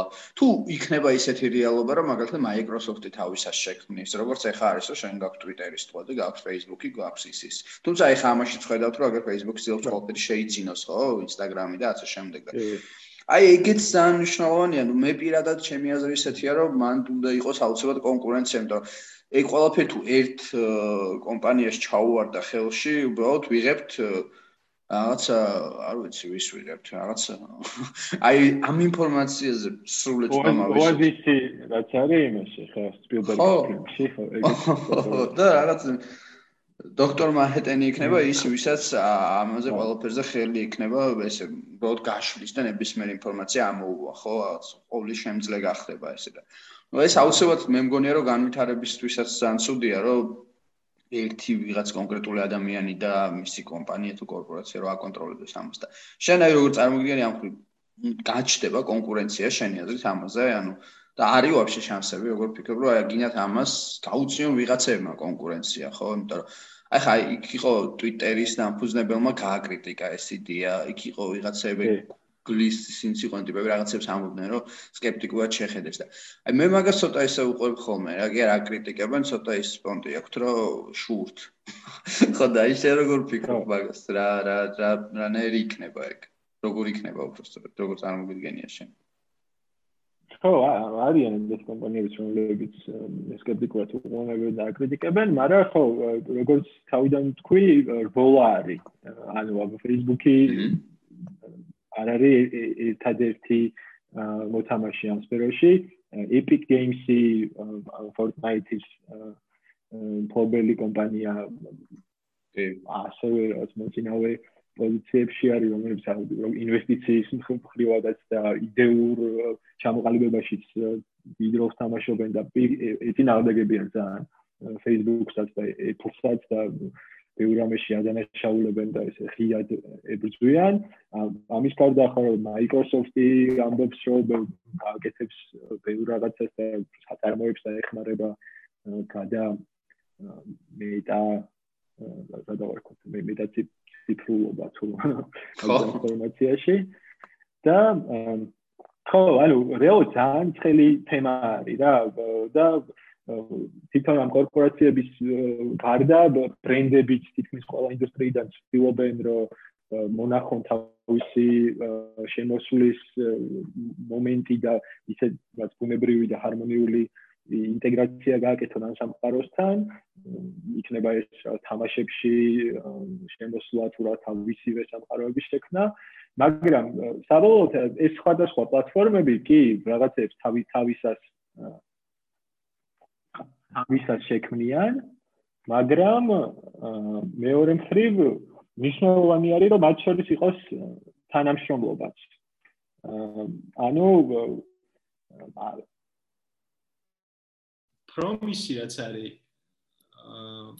ამ მეტასამყაროს ის არის რომ ერთი ავატარი ექნება, ხო, რომლითაც იმოძრავებს სხვადასხვა სივრცეებში. საერთო ვალუტა იქნება, რაც ბლოკჩეინის კრიპტოზე დაფუძნებული ობათ. და შეფერხება არ იქნება ამ გამოცდილებებს შორის. ანუ თქვა ეხლა როგორც არის შეიძლება რაღაც ერთ თამაშს თამაშობ და ის უნდა გავთიშო და მე სხვა ჩავთო ან ცალკე Facebook-ში შევდივარ და ცალკე სადღაც შევდივარ. ეხ ყოველ შემთხვევაში ამ ხედვაში ხა ეგრე ამბობენ რომ ისე გადასვლა ერთი პლატფორმიდან მეორეზე უნდა იყოს შეუფერხებელი და მის garaში, რაც გაჭედვის და გათიშვის garashi. მაგრამ ნუ მეორე მხრივ ხო ისევ ეს კონკურენცია და საკუთარი ინტერესების გატანა ხო რამდენი ხო აი მანდაც ის ჩნდება რა. შეკითხები შდება, იმიტომ რომ მე რო ფიქრობ ამაზე, ანუ ერთი არის რომ არის საერთოდ რაც თქვი, ერთი სივრცეა წარმოვიდგინოთ პირობითად და ამ სივრცეში შენ ლავირებ, მოძრაობ, ესე ვთქვათ, პირობითად ვამბობ Twitter-თან გადადიხარ, გინდ Facebook-თან. ამ სამყაროა რა, მთლიანი, როგორც ინტერნეტი, თავისთავად რაღაც ინტერნეტი და ეს ყველაფერი შეგიძლია ინტერნეტ დაუკავშირო. და მეორეა რომ ყველას თავისი რეალობა კონდეს რა, ესეთი და აი ხო, არ ვიცი, აი მე თუ ვიღებთ იმას ინტერნეტი ხო ვისია, ხო? ეხა ხო არ არის ინტერნეტი ხო მარკის, არ არის პირობითად და არ არის ვიღაცის, ხო? ჯეფ ბეზოსის პირობითად არის და შენ იქ ვიღაც რაღაც კომპანიები თუ სოციალური პოზიციონირებენ და არსებობენ და აი რაღაც ეგრე წარმოგიდგენია, რომ ეგრე შეიძლება იყოს მეტავერსი, რომ მეტავერსი იყოს თავისთავადი რაღაცა და შიგნით იყოს ეს ყველაფერი თუ აი მე რაღაც დაბაჭერა დამჭა რომ მარკი მაგას არ ფიქრობს და მარკს კაკრას უნდა რომ მეტავერსი იყოს მეტავერსი ანუ მაგისი იყოს და ну მე შიგნით რა თქმა უნდა ეხა ვისაც უნდა იპოზიციონიროს მაგრამ მაგისი იქნება და აი ეგაა ძალიან საინტერესო ეგ როგორ როგორ გადანაწილდება რა.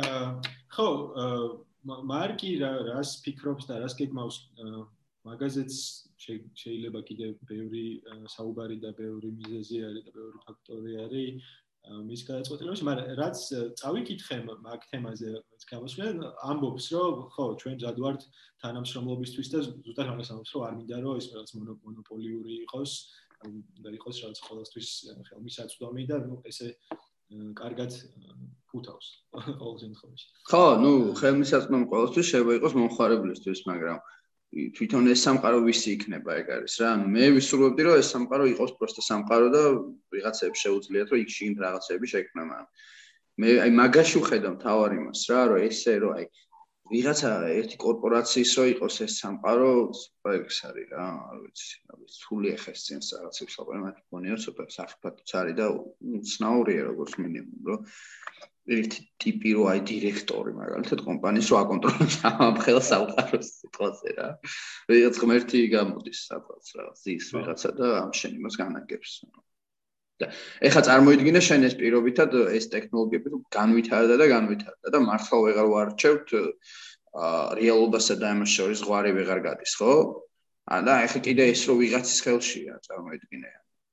რა ვიცი, ესეთი გამოდის ძალიან. მართლა დისტოპიურ და რაღაც იმაში მივდივარ ძალიან, რომ მე თუ ყველა ხო ანუ მე თუ ყველაფერი მაგაში გადმოვეშვი და ჩემი ესე ვთქვა აქეთა ცხოვრება საერთოდ ფეხებზე მკიდია და შენ ვიღაცა ხარ რომელიც ამას თუ გინდა გამთიშე Facebook-ს ვაშო დამბლოკოს პირობით დავარღვე რაღაცა მისთვის ესე დამბლოკა რა მე აი მაგალითად გამიუქმეს 2013 აკაუნტი მეგობარს გავეხუბრე შევიცვალე ანუ სახელი ნუ მეც რატო აკეთებდი ამას მეორე საკითხია მაგრამ ნუ გავაკეთე მომიარეს ესე და მის სახელი და გვარი დავერქვი და გავეხუმრე იმ პონჩი რომ ეს რა კომენტარი და რაღაცას წარმოიდგინე, იქ შევდიოდი და მეც ვა კომენტარები ვითომ მისვიყავ. და ნუ შეცდომას შემყავდა ამით ვიღაც მაგის მეგობრები ეს გავაკეთე, ოღონ სისტემატურად გავაკეთებდი, ეს გავაკეთე ნახევარსაათით, გავეღადავე ესე ვთქვათ და ამას მოყვა ის რომ ანუ ამან კაროჩე შენო იმას გიზამ და დაგარეპორტებ ესე მომწერა გააუქმე მე მივწერე რომ მეთქი შენ კი არ დამარეპორტებ თქო მე დაგარეპორტებ თქო ეხა თქო რა მეც ხომ აქ სახელი და გვარი მექვა რა. და ავატარი მაგის მეყენა რა. და ამე რავი რატო უცებ დაიჯერა რომ მე ხა ამას მართლა დავარეპორტებდი. და ამას გაუქრობდი ეხლა და ამა დამასწრო და დამარეპორტა რა. და რა თქმა უნდა მე სამუდამოდ გამაშთეს იმ სამყაროთა და თელი ეს 2013 წლამდე რაც მქონდა ძალიან დიდი ხნდა მოუყვებოდი ამ Facebook-ს თელის ფოტოები, მასალები ყოფილი საერთოდ გამიქრა და მე აი მეც წერდი ეს ჩემი მეგობარიც წერდა. ადმინისტრაციას ერთად ფოტოებს ვიღებდით და უგზავნდით რომ აი მეგობრები ვარ შევრიგდით შევრიგდით ფონჩი და რაღაც ჩემი პირადობის ისე არაფერი ანუ აღარ აღარ დამიბუნეს ეს აკაუნტი და ნუ ესე გამიქრა მაგრამ ნუ მაშინ ეს ძალიან არ გამიცადა. ეხლა ალბათ უფრო გამიცდები მაგრამ ეხლა წარმოიდგინე მეტავერში თუ ფეხი აგიცდა ცოტა და წაგიშალოს შენი აკაუნტი ესე პროსტა მე ეს ადმინი ხარ ხო და იქ აქ ამ შემთხვევაში ჩემი დანაშაული იყო ხო შეიძლება ვიღაც დანაშაული არ იყოს და ვიღაც პოლიტიკა არ მოწონდეს და მაგის გამო გააქრონ ეგ სამყაროდან და აი ძალიან საერთულია და სამსადგენია. ხო, აი, ალბათ რაღაცა ის იქნება, რა ქვია, შეზღუდული რაღაც ექსკლუზიური სივრცეები, ხო, როგორც რაღაც ხო, დრეს კოდი გჭირდება სადღაც შესაძლოა მაგალითად. მაგრამ ნუ ხო, ეგ ნამდვილად არ წარმომიდგენია და ალბათ არც დაუშვებენ ისეთი გარემო შექმნა, სადაც რაღაცა ერთი ის არის, რა ქვია, მართლობა და საერთო წესები, რომელიც რომიდანაც შეიძლება ფრთხილად ისქნა რა ქვია. ხო, რაღაც მე ისე წარმომიდგენია, რომ ეხა ამ სამყაროში რო გვაქვს წესები, კანონები, რომელსაც ვერ მორჩილებით და ნუ ესე ესეთ იმაში ვცხოვრობ. ბავშვებიდან ესე გწდიან, რომ გეუბნებიან რაღაცა ესე არის პირობითად რა და ნუ ეგეთი რაღაცები რა თქმა უნდა იქაც იქნება ალბათ ნუ გამაკის გარშე ალბათ რთული იქნება ფუნქციები, მაგრამ ეს არის მაინც აი გლობალური შეთანხმება არის და არა ის რომ რომელიღაცა კორპორაციას ესეთი პოლიტიკა აქვს მაგალითად და დავა ეხა ყველა ამას შევეგულოთ. აი ეგ მაგას მაგ საფრთხებს ცოტა ვხედავთ ხო რა რომ აი ეგ ეგ მომენტი არ გაჩნდეს თქო მაგრამ ნუ ეგ ისეთია რა აი მე რა მაინტერესებს ეს ახლა ამასთვისაც აი კომპანიებზე და რაღაც კი ვახსენებ. აი ეგ როგორ წარმოგიდგენია მაგალითად კომპანიები როგორ შეიძლება პოზიციონირებდნენ ამ მეტავერსში რა ან წარმოიდგინე ეხლა ხო არის რაღაც პოსტებს რეკლამას დებს ცდილობს რომ რაღაც შენამდე მოაღწიოს ამაში ფულს იხდის ბუსტავს ამ ყველაფერს. მეტავერში კორპორა კომპანიები როგორ წარმოგიდგენია რა. ანუ ვაფშე ხო, აი როგორ იქნება მომენტი რა. მე რაღაც წარმოგიდგენია ავატარები ექნებათ თავისი. შე როგორ წარმოგიდგენია? ალბათ ხო ამბასადორები ეყოლებათ აი უკვე უკვე რა მაგალითებიც არის რაც ვიცი და მინახავს მაგედან გამომდინარე გეტყვით ერთი არის ეგ შეიძლება ახსენე მართლა არის სააგენტო რომელიც მის ვირტუალურ ინფლუენსერებს ანუ არა ადამიანებს არამედ ავატარებს რომელიც მოიკრებს აუდიტორიას და გავლენა იქნება და შემდეგ შეიძლება ბრენდს დაუმეგობრდეს უკვე არის ვირტუალური რა ქვია მაგას ქონება ანუ სივრცეები, რომლებიც იყიდება სარეკლამოდ, ანუ შეიძლება რაღაცა მიწა ან ვირტუალური ბილბორდი ან ქუჩა ან კედელი აქვს ნაკიდი კომპანიას, რომელიც მე გადაყიდის ბრენდზე. ანუ ეს რა ტრადიციული ტრადიციული გზა არის და ზუსტი რეპლიკა არის იმისა, რაც ეხა ხდება და ალბათ უფრო უფრო კიდევ უფრო საინტერესო ფორმები არის, როცა რაც უნიკალურს ქმნის, ხო, კომპანია და ბრენდი თავის ღირებულებას ამატებს, ან შეიძლება რაღაცა სივრცე შექმნას, სადაც ადამიანებს გაუსწორდებათ ყოფნა და მაგითი ჩაიწერს კულებს, შეიძლება რაღაცა ტექნოლოგიით დაეხმარონ.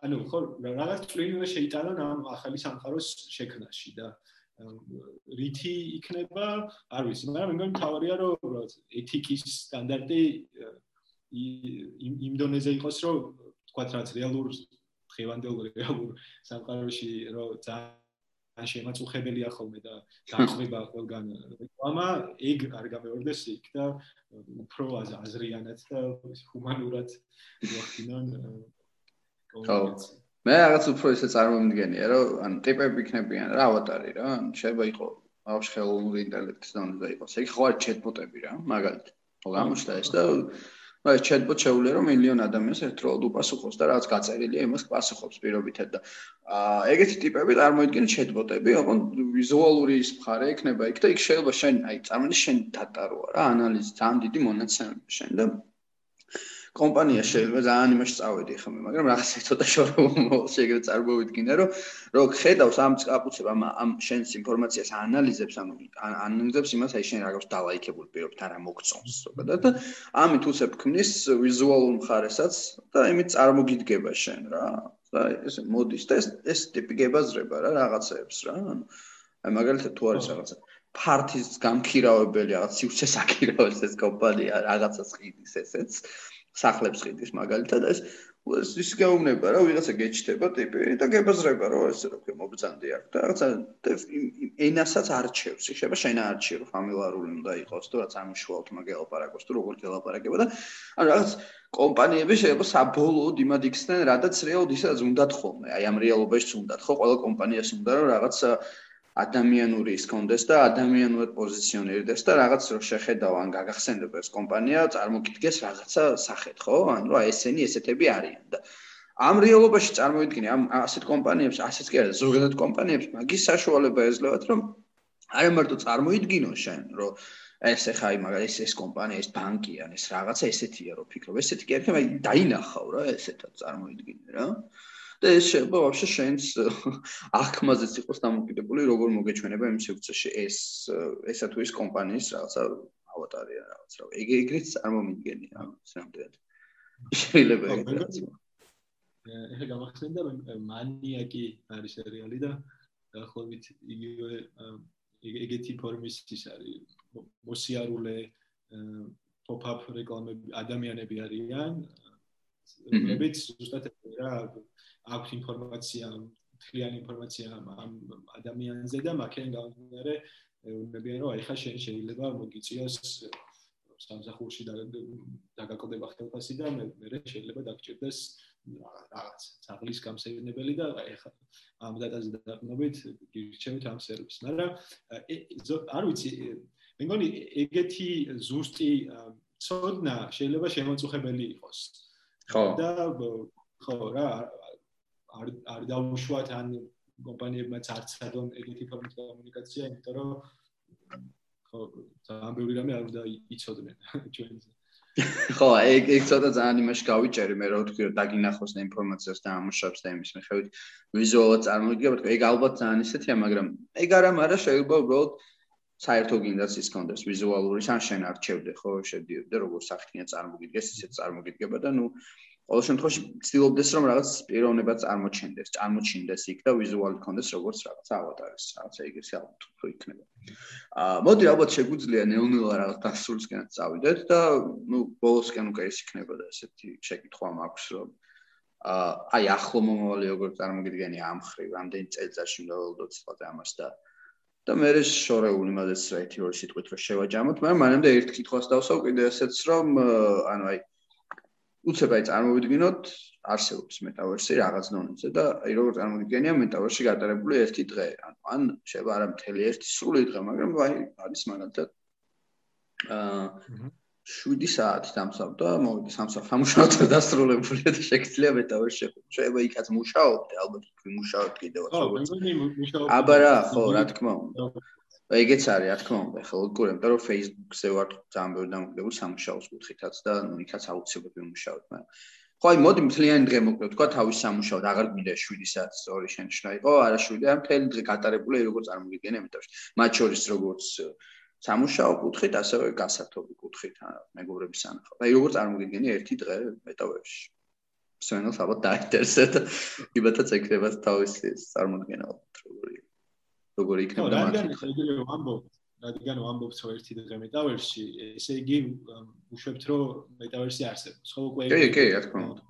სადაც ჩვენ თუ დიდ დროს დღის დიდ ნაწილს ვატარებთ ამ სამყაროში ესე იგი უკვე ეგ ხედვა განხორციელდა და ხო სხვადასხვა ფორმით მოვიხმართ მოვიხმართ თუ მონაწილეობთ თუ პროცესში რა თქმა უნდა მონაწილეობთ ჩართულები ჩართულები ვართ ხო?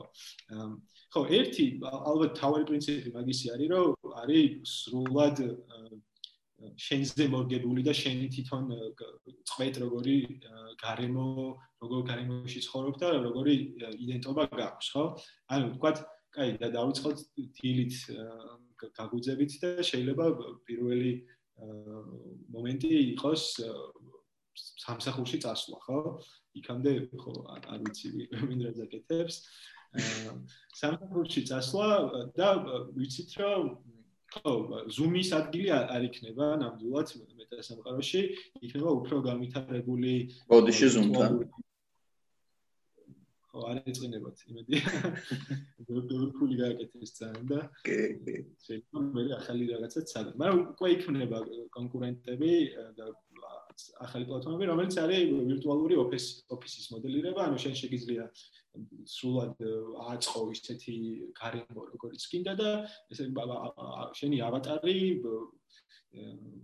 ინტერაქციაში არის შენ სხვა თანამშრომლებთან, რომელსაც მაგრამ რაღაცნაირად ასწველი აქვს შერჩეული, შენ შენი თანამშრომელი აქვს შერჩეული, რომელიც შეიძლება შეიძინე წინადღით, როცა იყავი ვირტუალურ მოლში, და ხო, თელ დღეს მაგაში ეტარებ, რომ ამ რაღაც სამ განზომილებიან გარემოში რაღაცებზე მუშაობთ ერთად, რომ შეგიძლიათ თუ რაღაც თემა გაინტერესებთ, როგორც როგორც თქვით, ხო, რაღაც ტრანსპორტირება, ტელეპორტირება გააკეთო იმ დროში და იმ საუკუნეში და იმ გარემოში და მიიღო ეგ ინფორმაცია წამიერად. და ხო, რა რაღაც დროის თუ რა ტრადიციული ისეთი ოფისური გარემო არის 10-დან 5-მდე ან ან რა გრაფიკშიც იქნებით, მაგრამ შეიძლება სხვა სხვა გრაფიკები იყოს. გამოდიხარ, ხო, გამოდიხარ ოფისიდან და მე გაქვს ეს leisure time, ხო, რაღაც. აჰა. დროის გატარების დრო. ნუ ალბათ ახლა შუალედებში იქნება ლანჩი იქნება თუ თქვა რაც ესეთი საჭმლის მიღების მომენტები, რომელსაც ну ჯერჯერობით ვერანაირ ხედვაში ვერ დააკმაყოფილებს ვირტუალური პროგრამა და გამოერთება მოგიწევს და ისო მე შეერთება თავი ხო მაგას გულისხმობ? ხო თუ თუ თუ აქამდე ვირტუალური რეალობის headset-ი გეკეთა დიდი მაგის გადადება მოგიწევს, მაგრამ შეიძლება თან კონდეს პატარა, თქვა Apple-ის ან იგივე Meta-ს, Meta-ს სათვალე, რომელიც ხო, უბრალოდ შენ გარემოს გიცვლის, ხო? ანუ არ აქვს მნიშვნელობა როგორ სახლში ცხოვრობ, ვირტუალურად და ვიზუალურად არის ისეთი როგორიც გინდა, ხო? და ისეთი ავეჯი გიდგას, ისეთი ინტერიერი გაქვს, რომ როგორც შენ მოგწონს.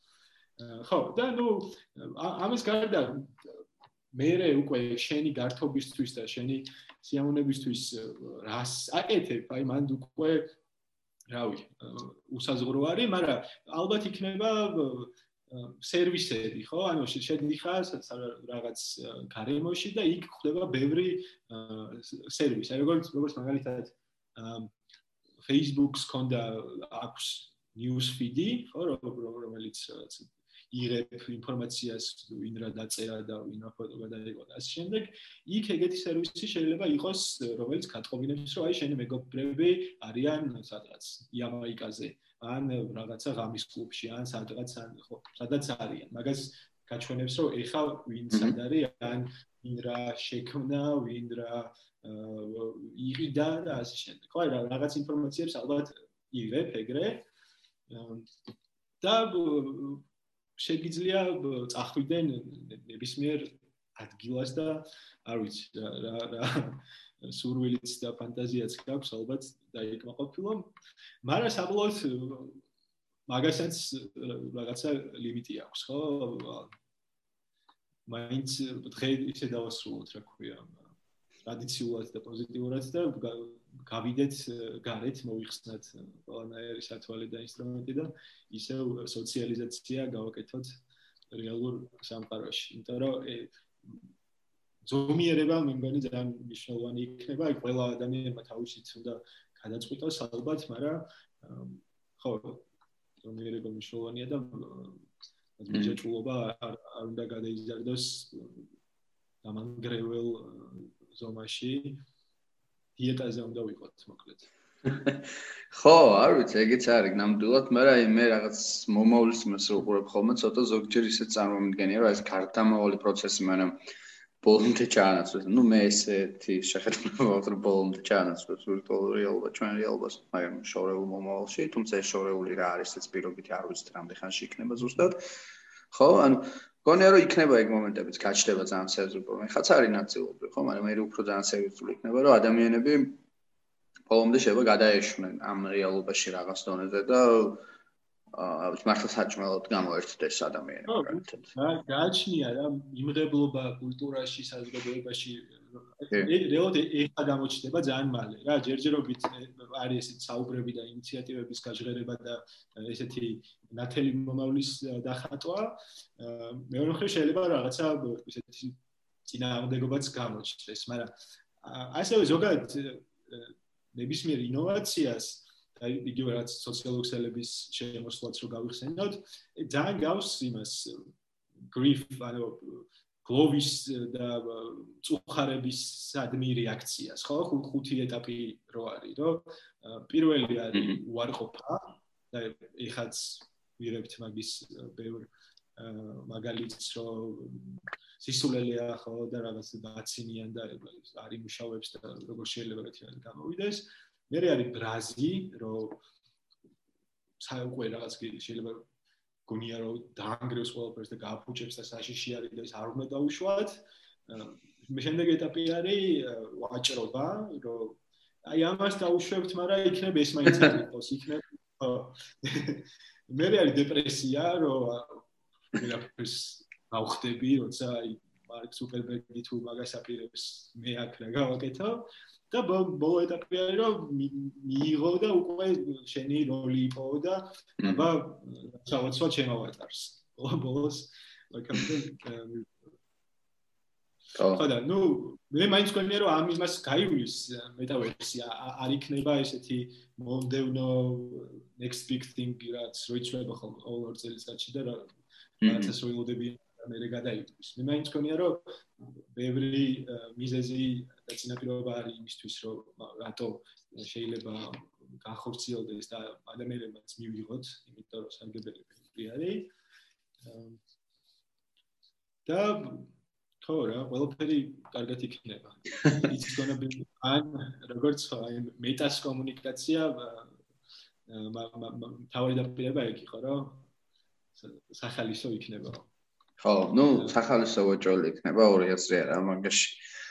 აა, გეთანხმები და ვეთანხმები მაგასაც და ვიცით აი რომ რაღაც ახალი გვინდა მაგკუთხითაც რა, იმიტომ რომ აა, ანუ რაღაც ესეთია რა, იყო ჩვენ თაობაც ეგეთ თაობა რა ზოგადად, რომ აი სულ რაღაცები ხო იცვლება რა ჩვენ გარშემო სულ იცვლება რაღაცები და მართლა აი ალბათ ალბათ კი არა და ეგრე იქნებოდა ხო ხა 1000 წლის წინ ცხოვრობდა ადამიანი იბადებოდა და კვდებოდა ისე რომ ერთ რეალობას ხედავდა და ისი წინაპრებიც მაგას ხედავდნენ და მის ჩამოლებიც მე დაანახეს მაგას ხედავდნენ და დაინახავდნენ ეგეთ რეალობას. ჩვენ ეგ აღარ ვართ და მაგას ძალიან მივეჩვიეთ რაღაც დონეზე.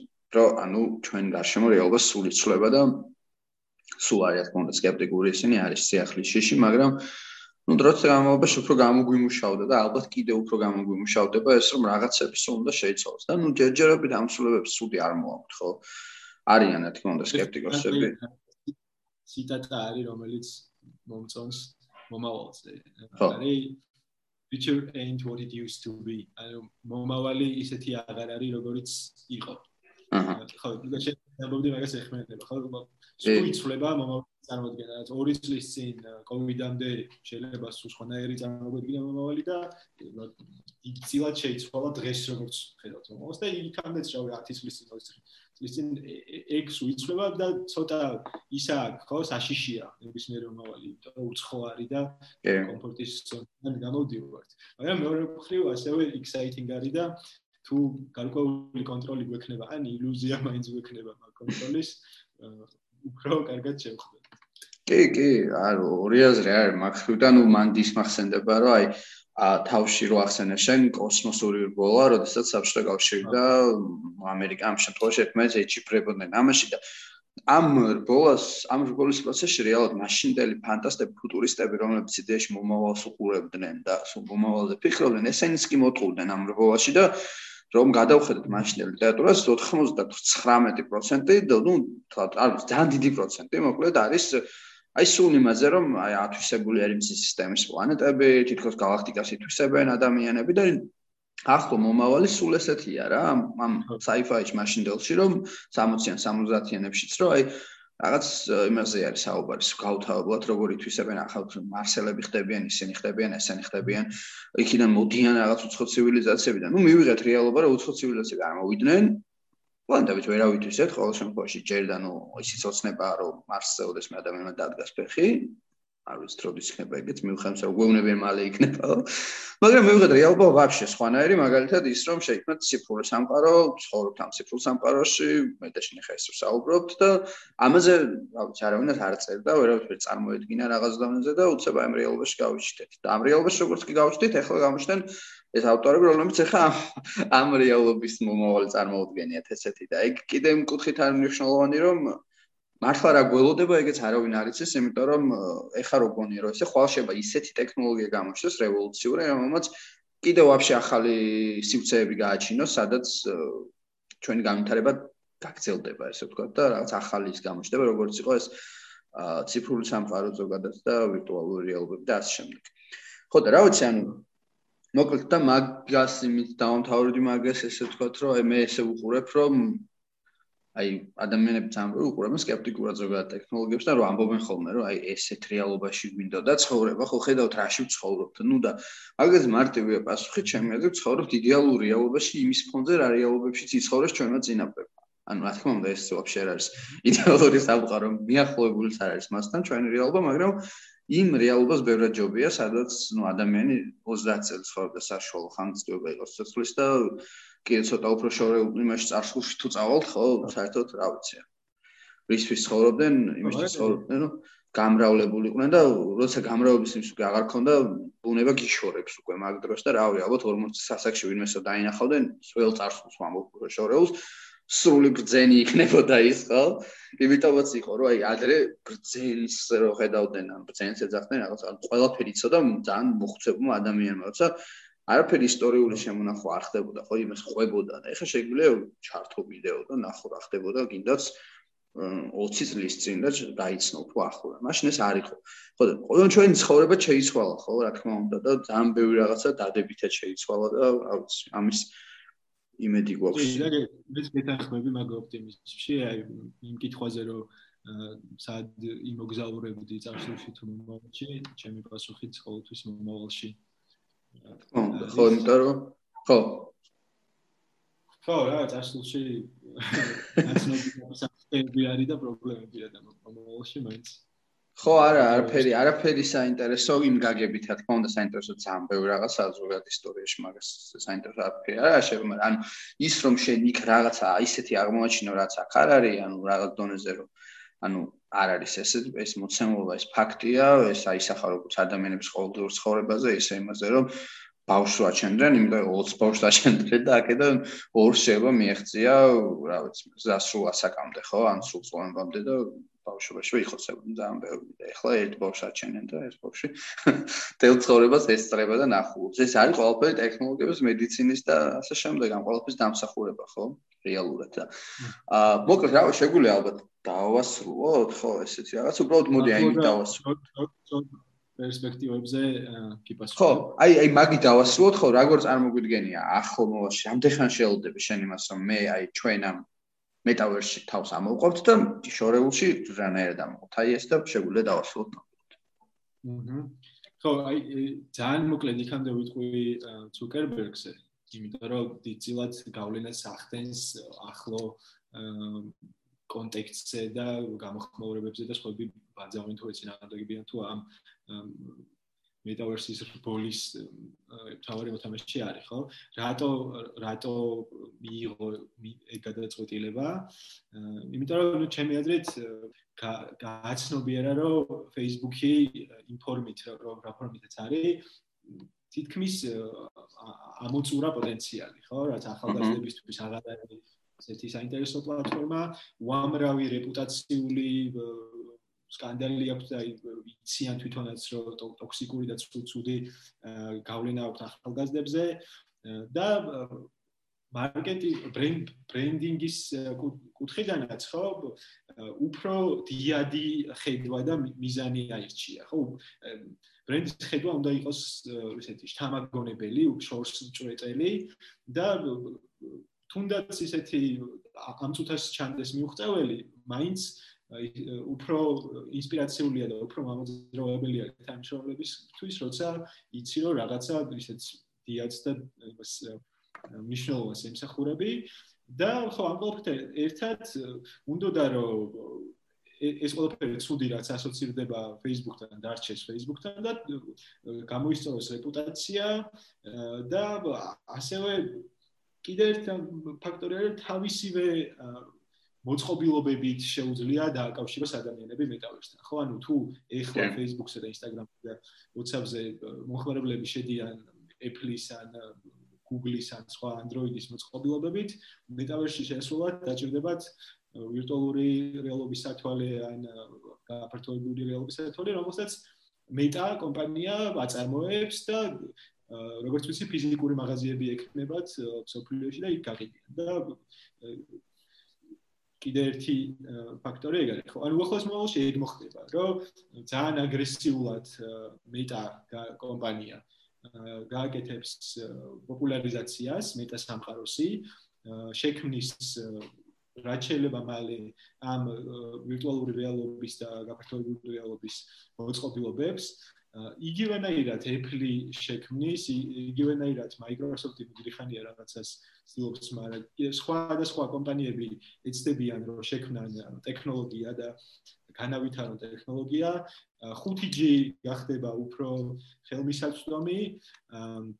ანუ ბევრი ინვესტიცია და ახალი წამახალისებელი მექანიზმი შეიქმნება, რომ მოახდინონ კრეატორების, შემქმნელების ჩართულობაც და мотивация ექონდეთ მათაც ამ ახალი სამყაროს შექმნის და მე მგონია რომ მართლა მგონია რომ ძალიან დიდი სარგებელი შეიძლება მიიღონ ამ early adopter-ებმა, ხო, ვინც პირველ ეტაპზე იქნები იქნებიან ჩართული ამ სამყაროს შექმნაში ახალი პროფესიები შეიძლება გასცეს, ახალი საქმეები, რომელიც დაჭირდება და სარგებელიც მათთვის დიდი უნდა იყოს.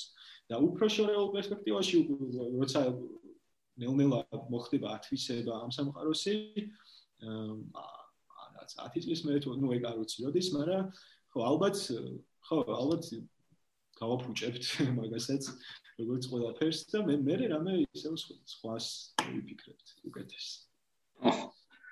აი ამ დღეს წარმოგიდგენია მოკლედ და შენ რომ მეტავერსში ჩავეშორდით აი ეგ პირობით რომ ეგ გაქვს ეგ ამ პროგნოზი.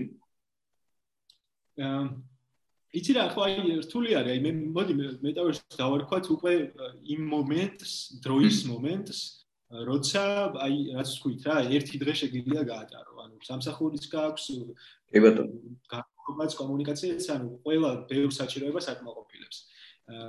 ეგ შეიძლება მოხდეს 3 წელიწადში, შეიძლება მოხდეს 10 წელიწადში რა. ტექნოლოგიის განვითარებაზე არის დამოკიდებული 5G-ის და ასე შემდეგ. ამიტომ ხო თავი კითხვარი როდის? როდის მოხდება და გარკვეული ნიშნები არის, მაგრამ ჯერ ვერ დავარქმევთ, რომ ეგ არის metaverse. ხო, ეგ ხო არ უთქვამს, მე ხო არ მეშლება, ხო არ უთქვამს მარკს, რომ აი მაგალითად 3 წელიწადში არ უთქვამს, ხო ესე კონკრეტული პერიოდი.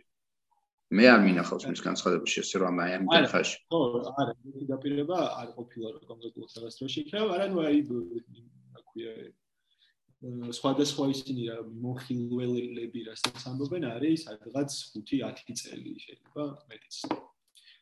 რაღაც ფორმით შეზღუდულ იმას აუდიტორიას და მომხმარებლებს ალბათ უფრო ბევრად ადრეცად შეიძლება შესვლა. აჰა. ხო, ანუ შეიძლება იყოს რაღაცა სამუშაო ვერსია ესე დავარქვათ და შედიოდე, მაგრამ იყოს შეზღუდული. აი მერე რომ ამან რაღაცა გაშალოს ფრთები და უფრო მულტიფუნქციური გახდეს, ნამდვილად დრო დაჭერდება. ხო და ნუ ესე მე მესმის ხა. ჩემ ჩას უკითხავთ, რომ შეიძლება რამდენ ხელს ვფიქრობ, რა ხეს იქნება ეს, ანუ მე რა ვიცი, არ ვიცი, ამას პასუხის მე მგონი არც მარკმა არის ის, ხო?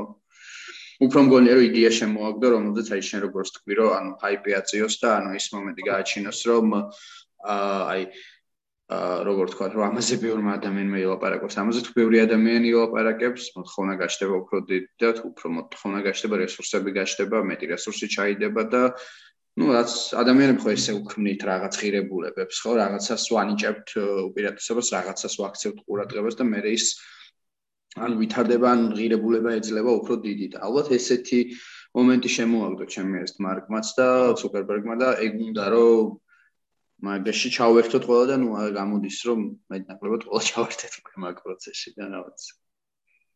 ისო ხედავ ხოლმე შემთხვევაში ხო ჯერ ჯერ შეიძლება ხო იმედი აგურების დადების ზეულობას გვექნება. ხო ნამდვილად. თვითონ ხედავ რგოთ და კი ნამდვილად. აა რა ვიცი მე მგონი შეგვიძლია გავიდეთ ბოლოში კი და გავიდეთ ბოლოში ეგ არის. ძალიან დიდი მადლობა შენ ლადო საინტერესო საუბრისთვის. მადლობა რა ვიცი მსმენელს, ვინც მოგვისმინა. დიდი ის გამოგვივიდა პოდკასტი, მაგრამ ესეთი თემა რომ შეიძლება ეთქოს შეგნებულად გავჩერდით თორე ამ თემაზე, რა ვიცი, შეგდები ოპერატორი, ოპერატორი მithmetes რომ ეს ესეთი რაღაცაა, რომ მომავლის არის და აზე არ ხარ რა იქნება ბოლომდე და შეიძლება სამ ბევრ რაღაცაზე იფიქრო, წარმოიდგინო და დაუშვა, დაშვები გააკეთო ამ ხრივადაც შეზღუდვები ცოტაა. მით უმეტეს რომ მის შემქმნელები ანონსებენ ამას, შეზღუდვებს არ გვეუბნებიან, არ გვიწესებენ ესე თქვა და შენც რატომაც დაუძახო შენ თავს ხო პირობით. მმ მადლობა მოკლედ კიდევ ერთხელ ადო და რა ვიცი დროებით და მსმენელსაც დაუმშვიდობოთ და რა ვიცი ჩვენ საყურებლად შეგვიძლია ის თქვა რომ აა ადევნეთ ჩვენ პოდკასტს ყური ესე თქვა და და ამ რაღაც საინტერესო ახალს გაიგებთ ხოლმე და ვეცდებით რომ ეს თემაც სულ ასე გავაშიფოთ ხოლმე რომ არ ჩამოგჩეთ მოვლენებს. ალბათ. კარგი ხოლმე.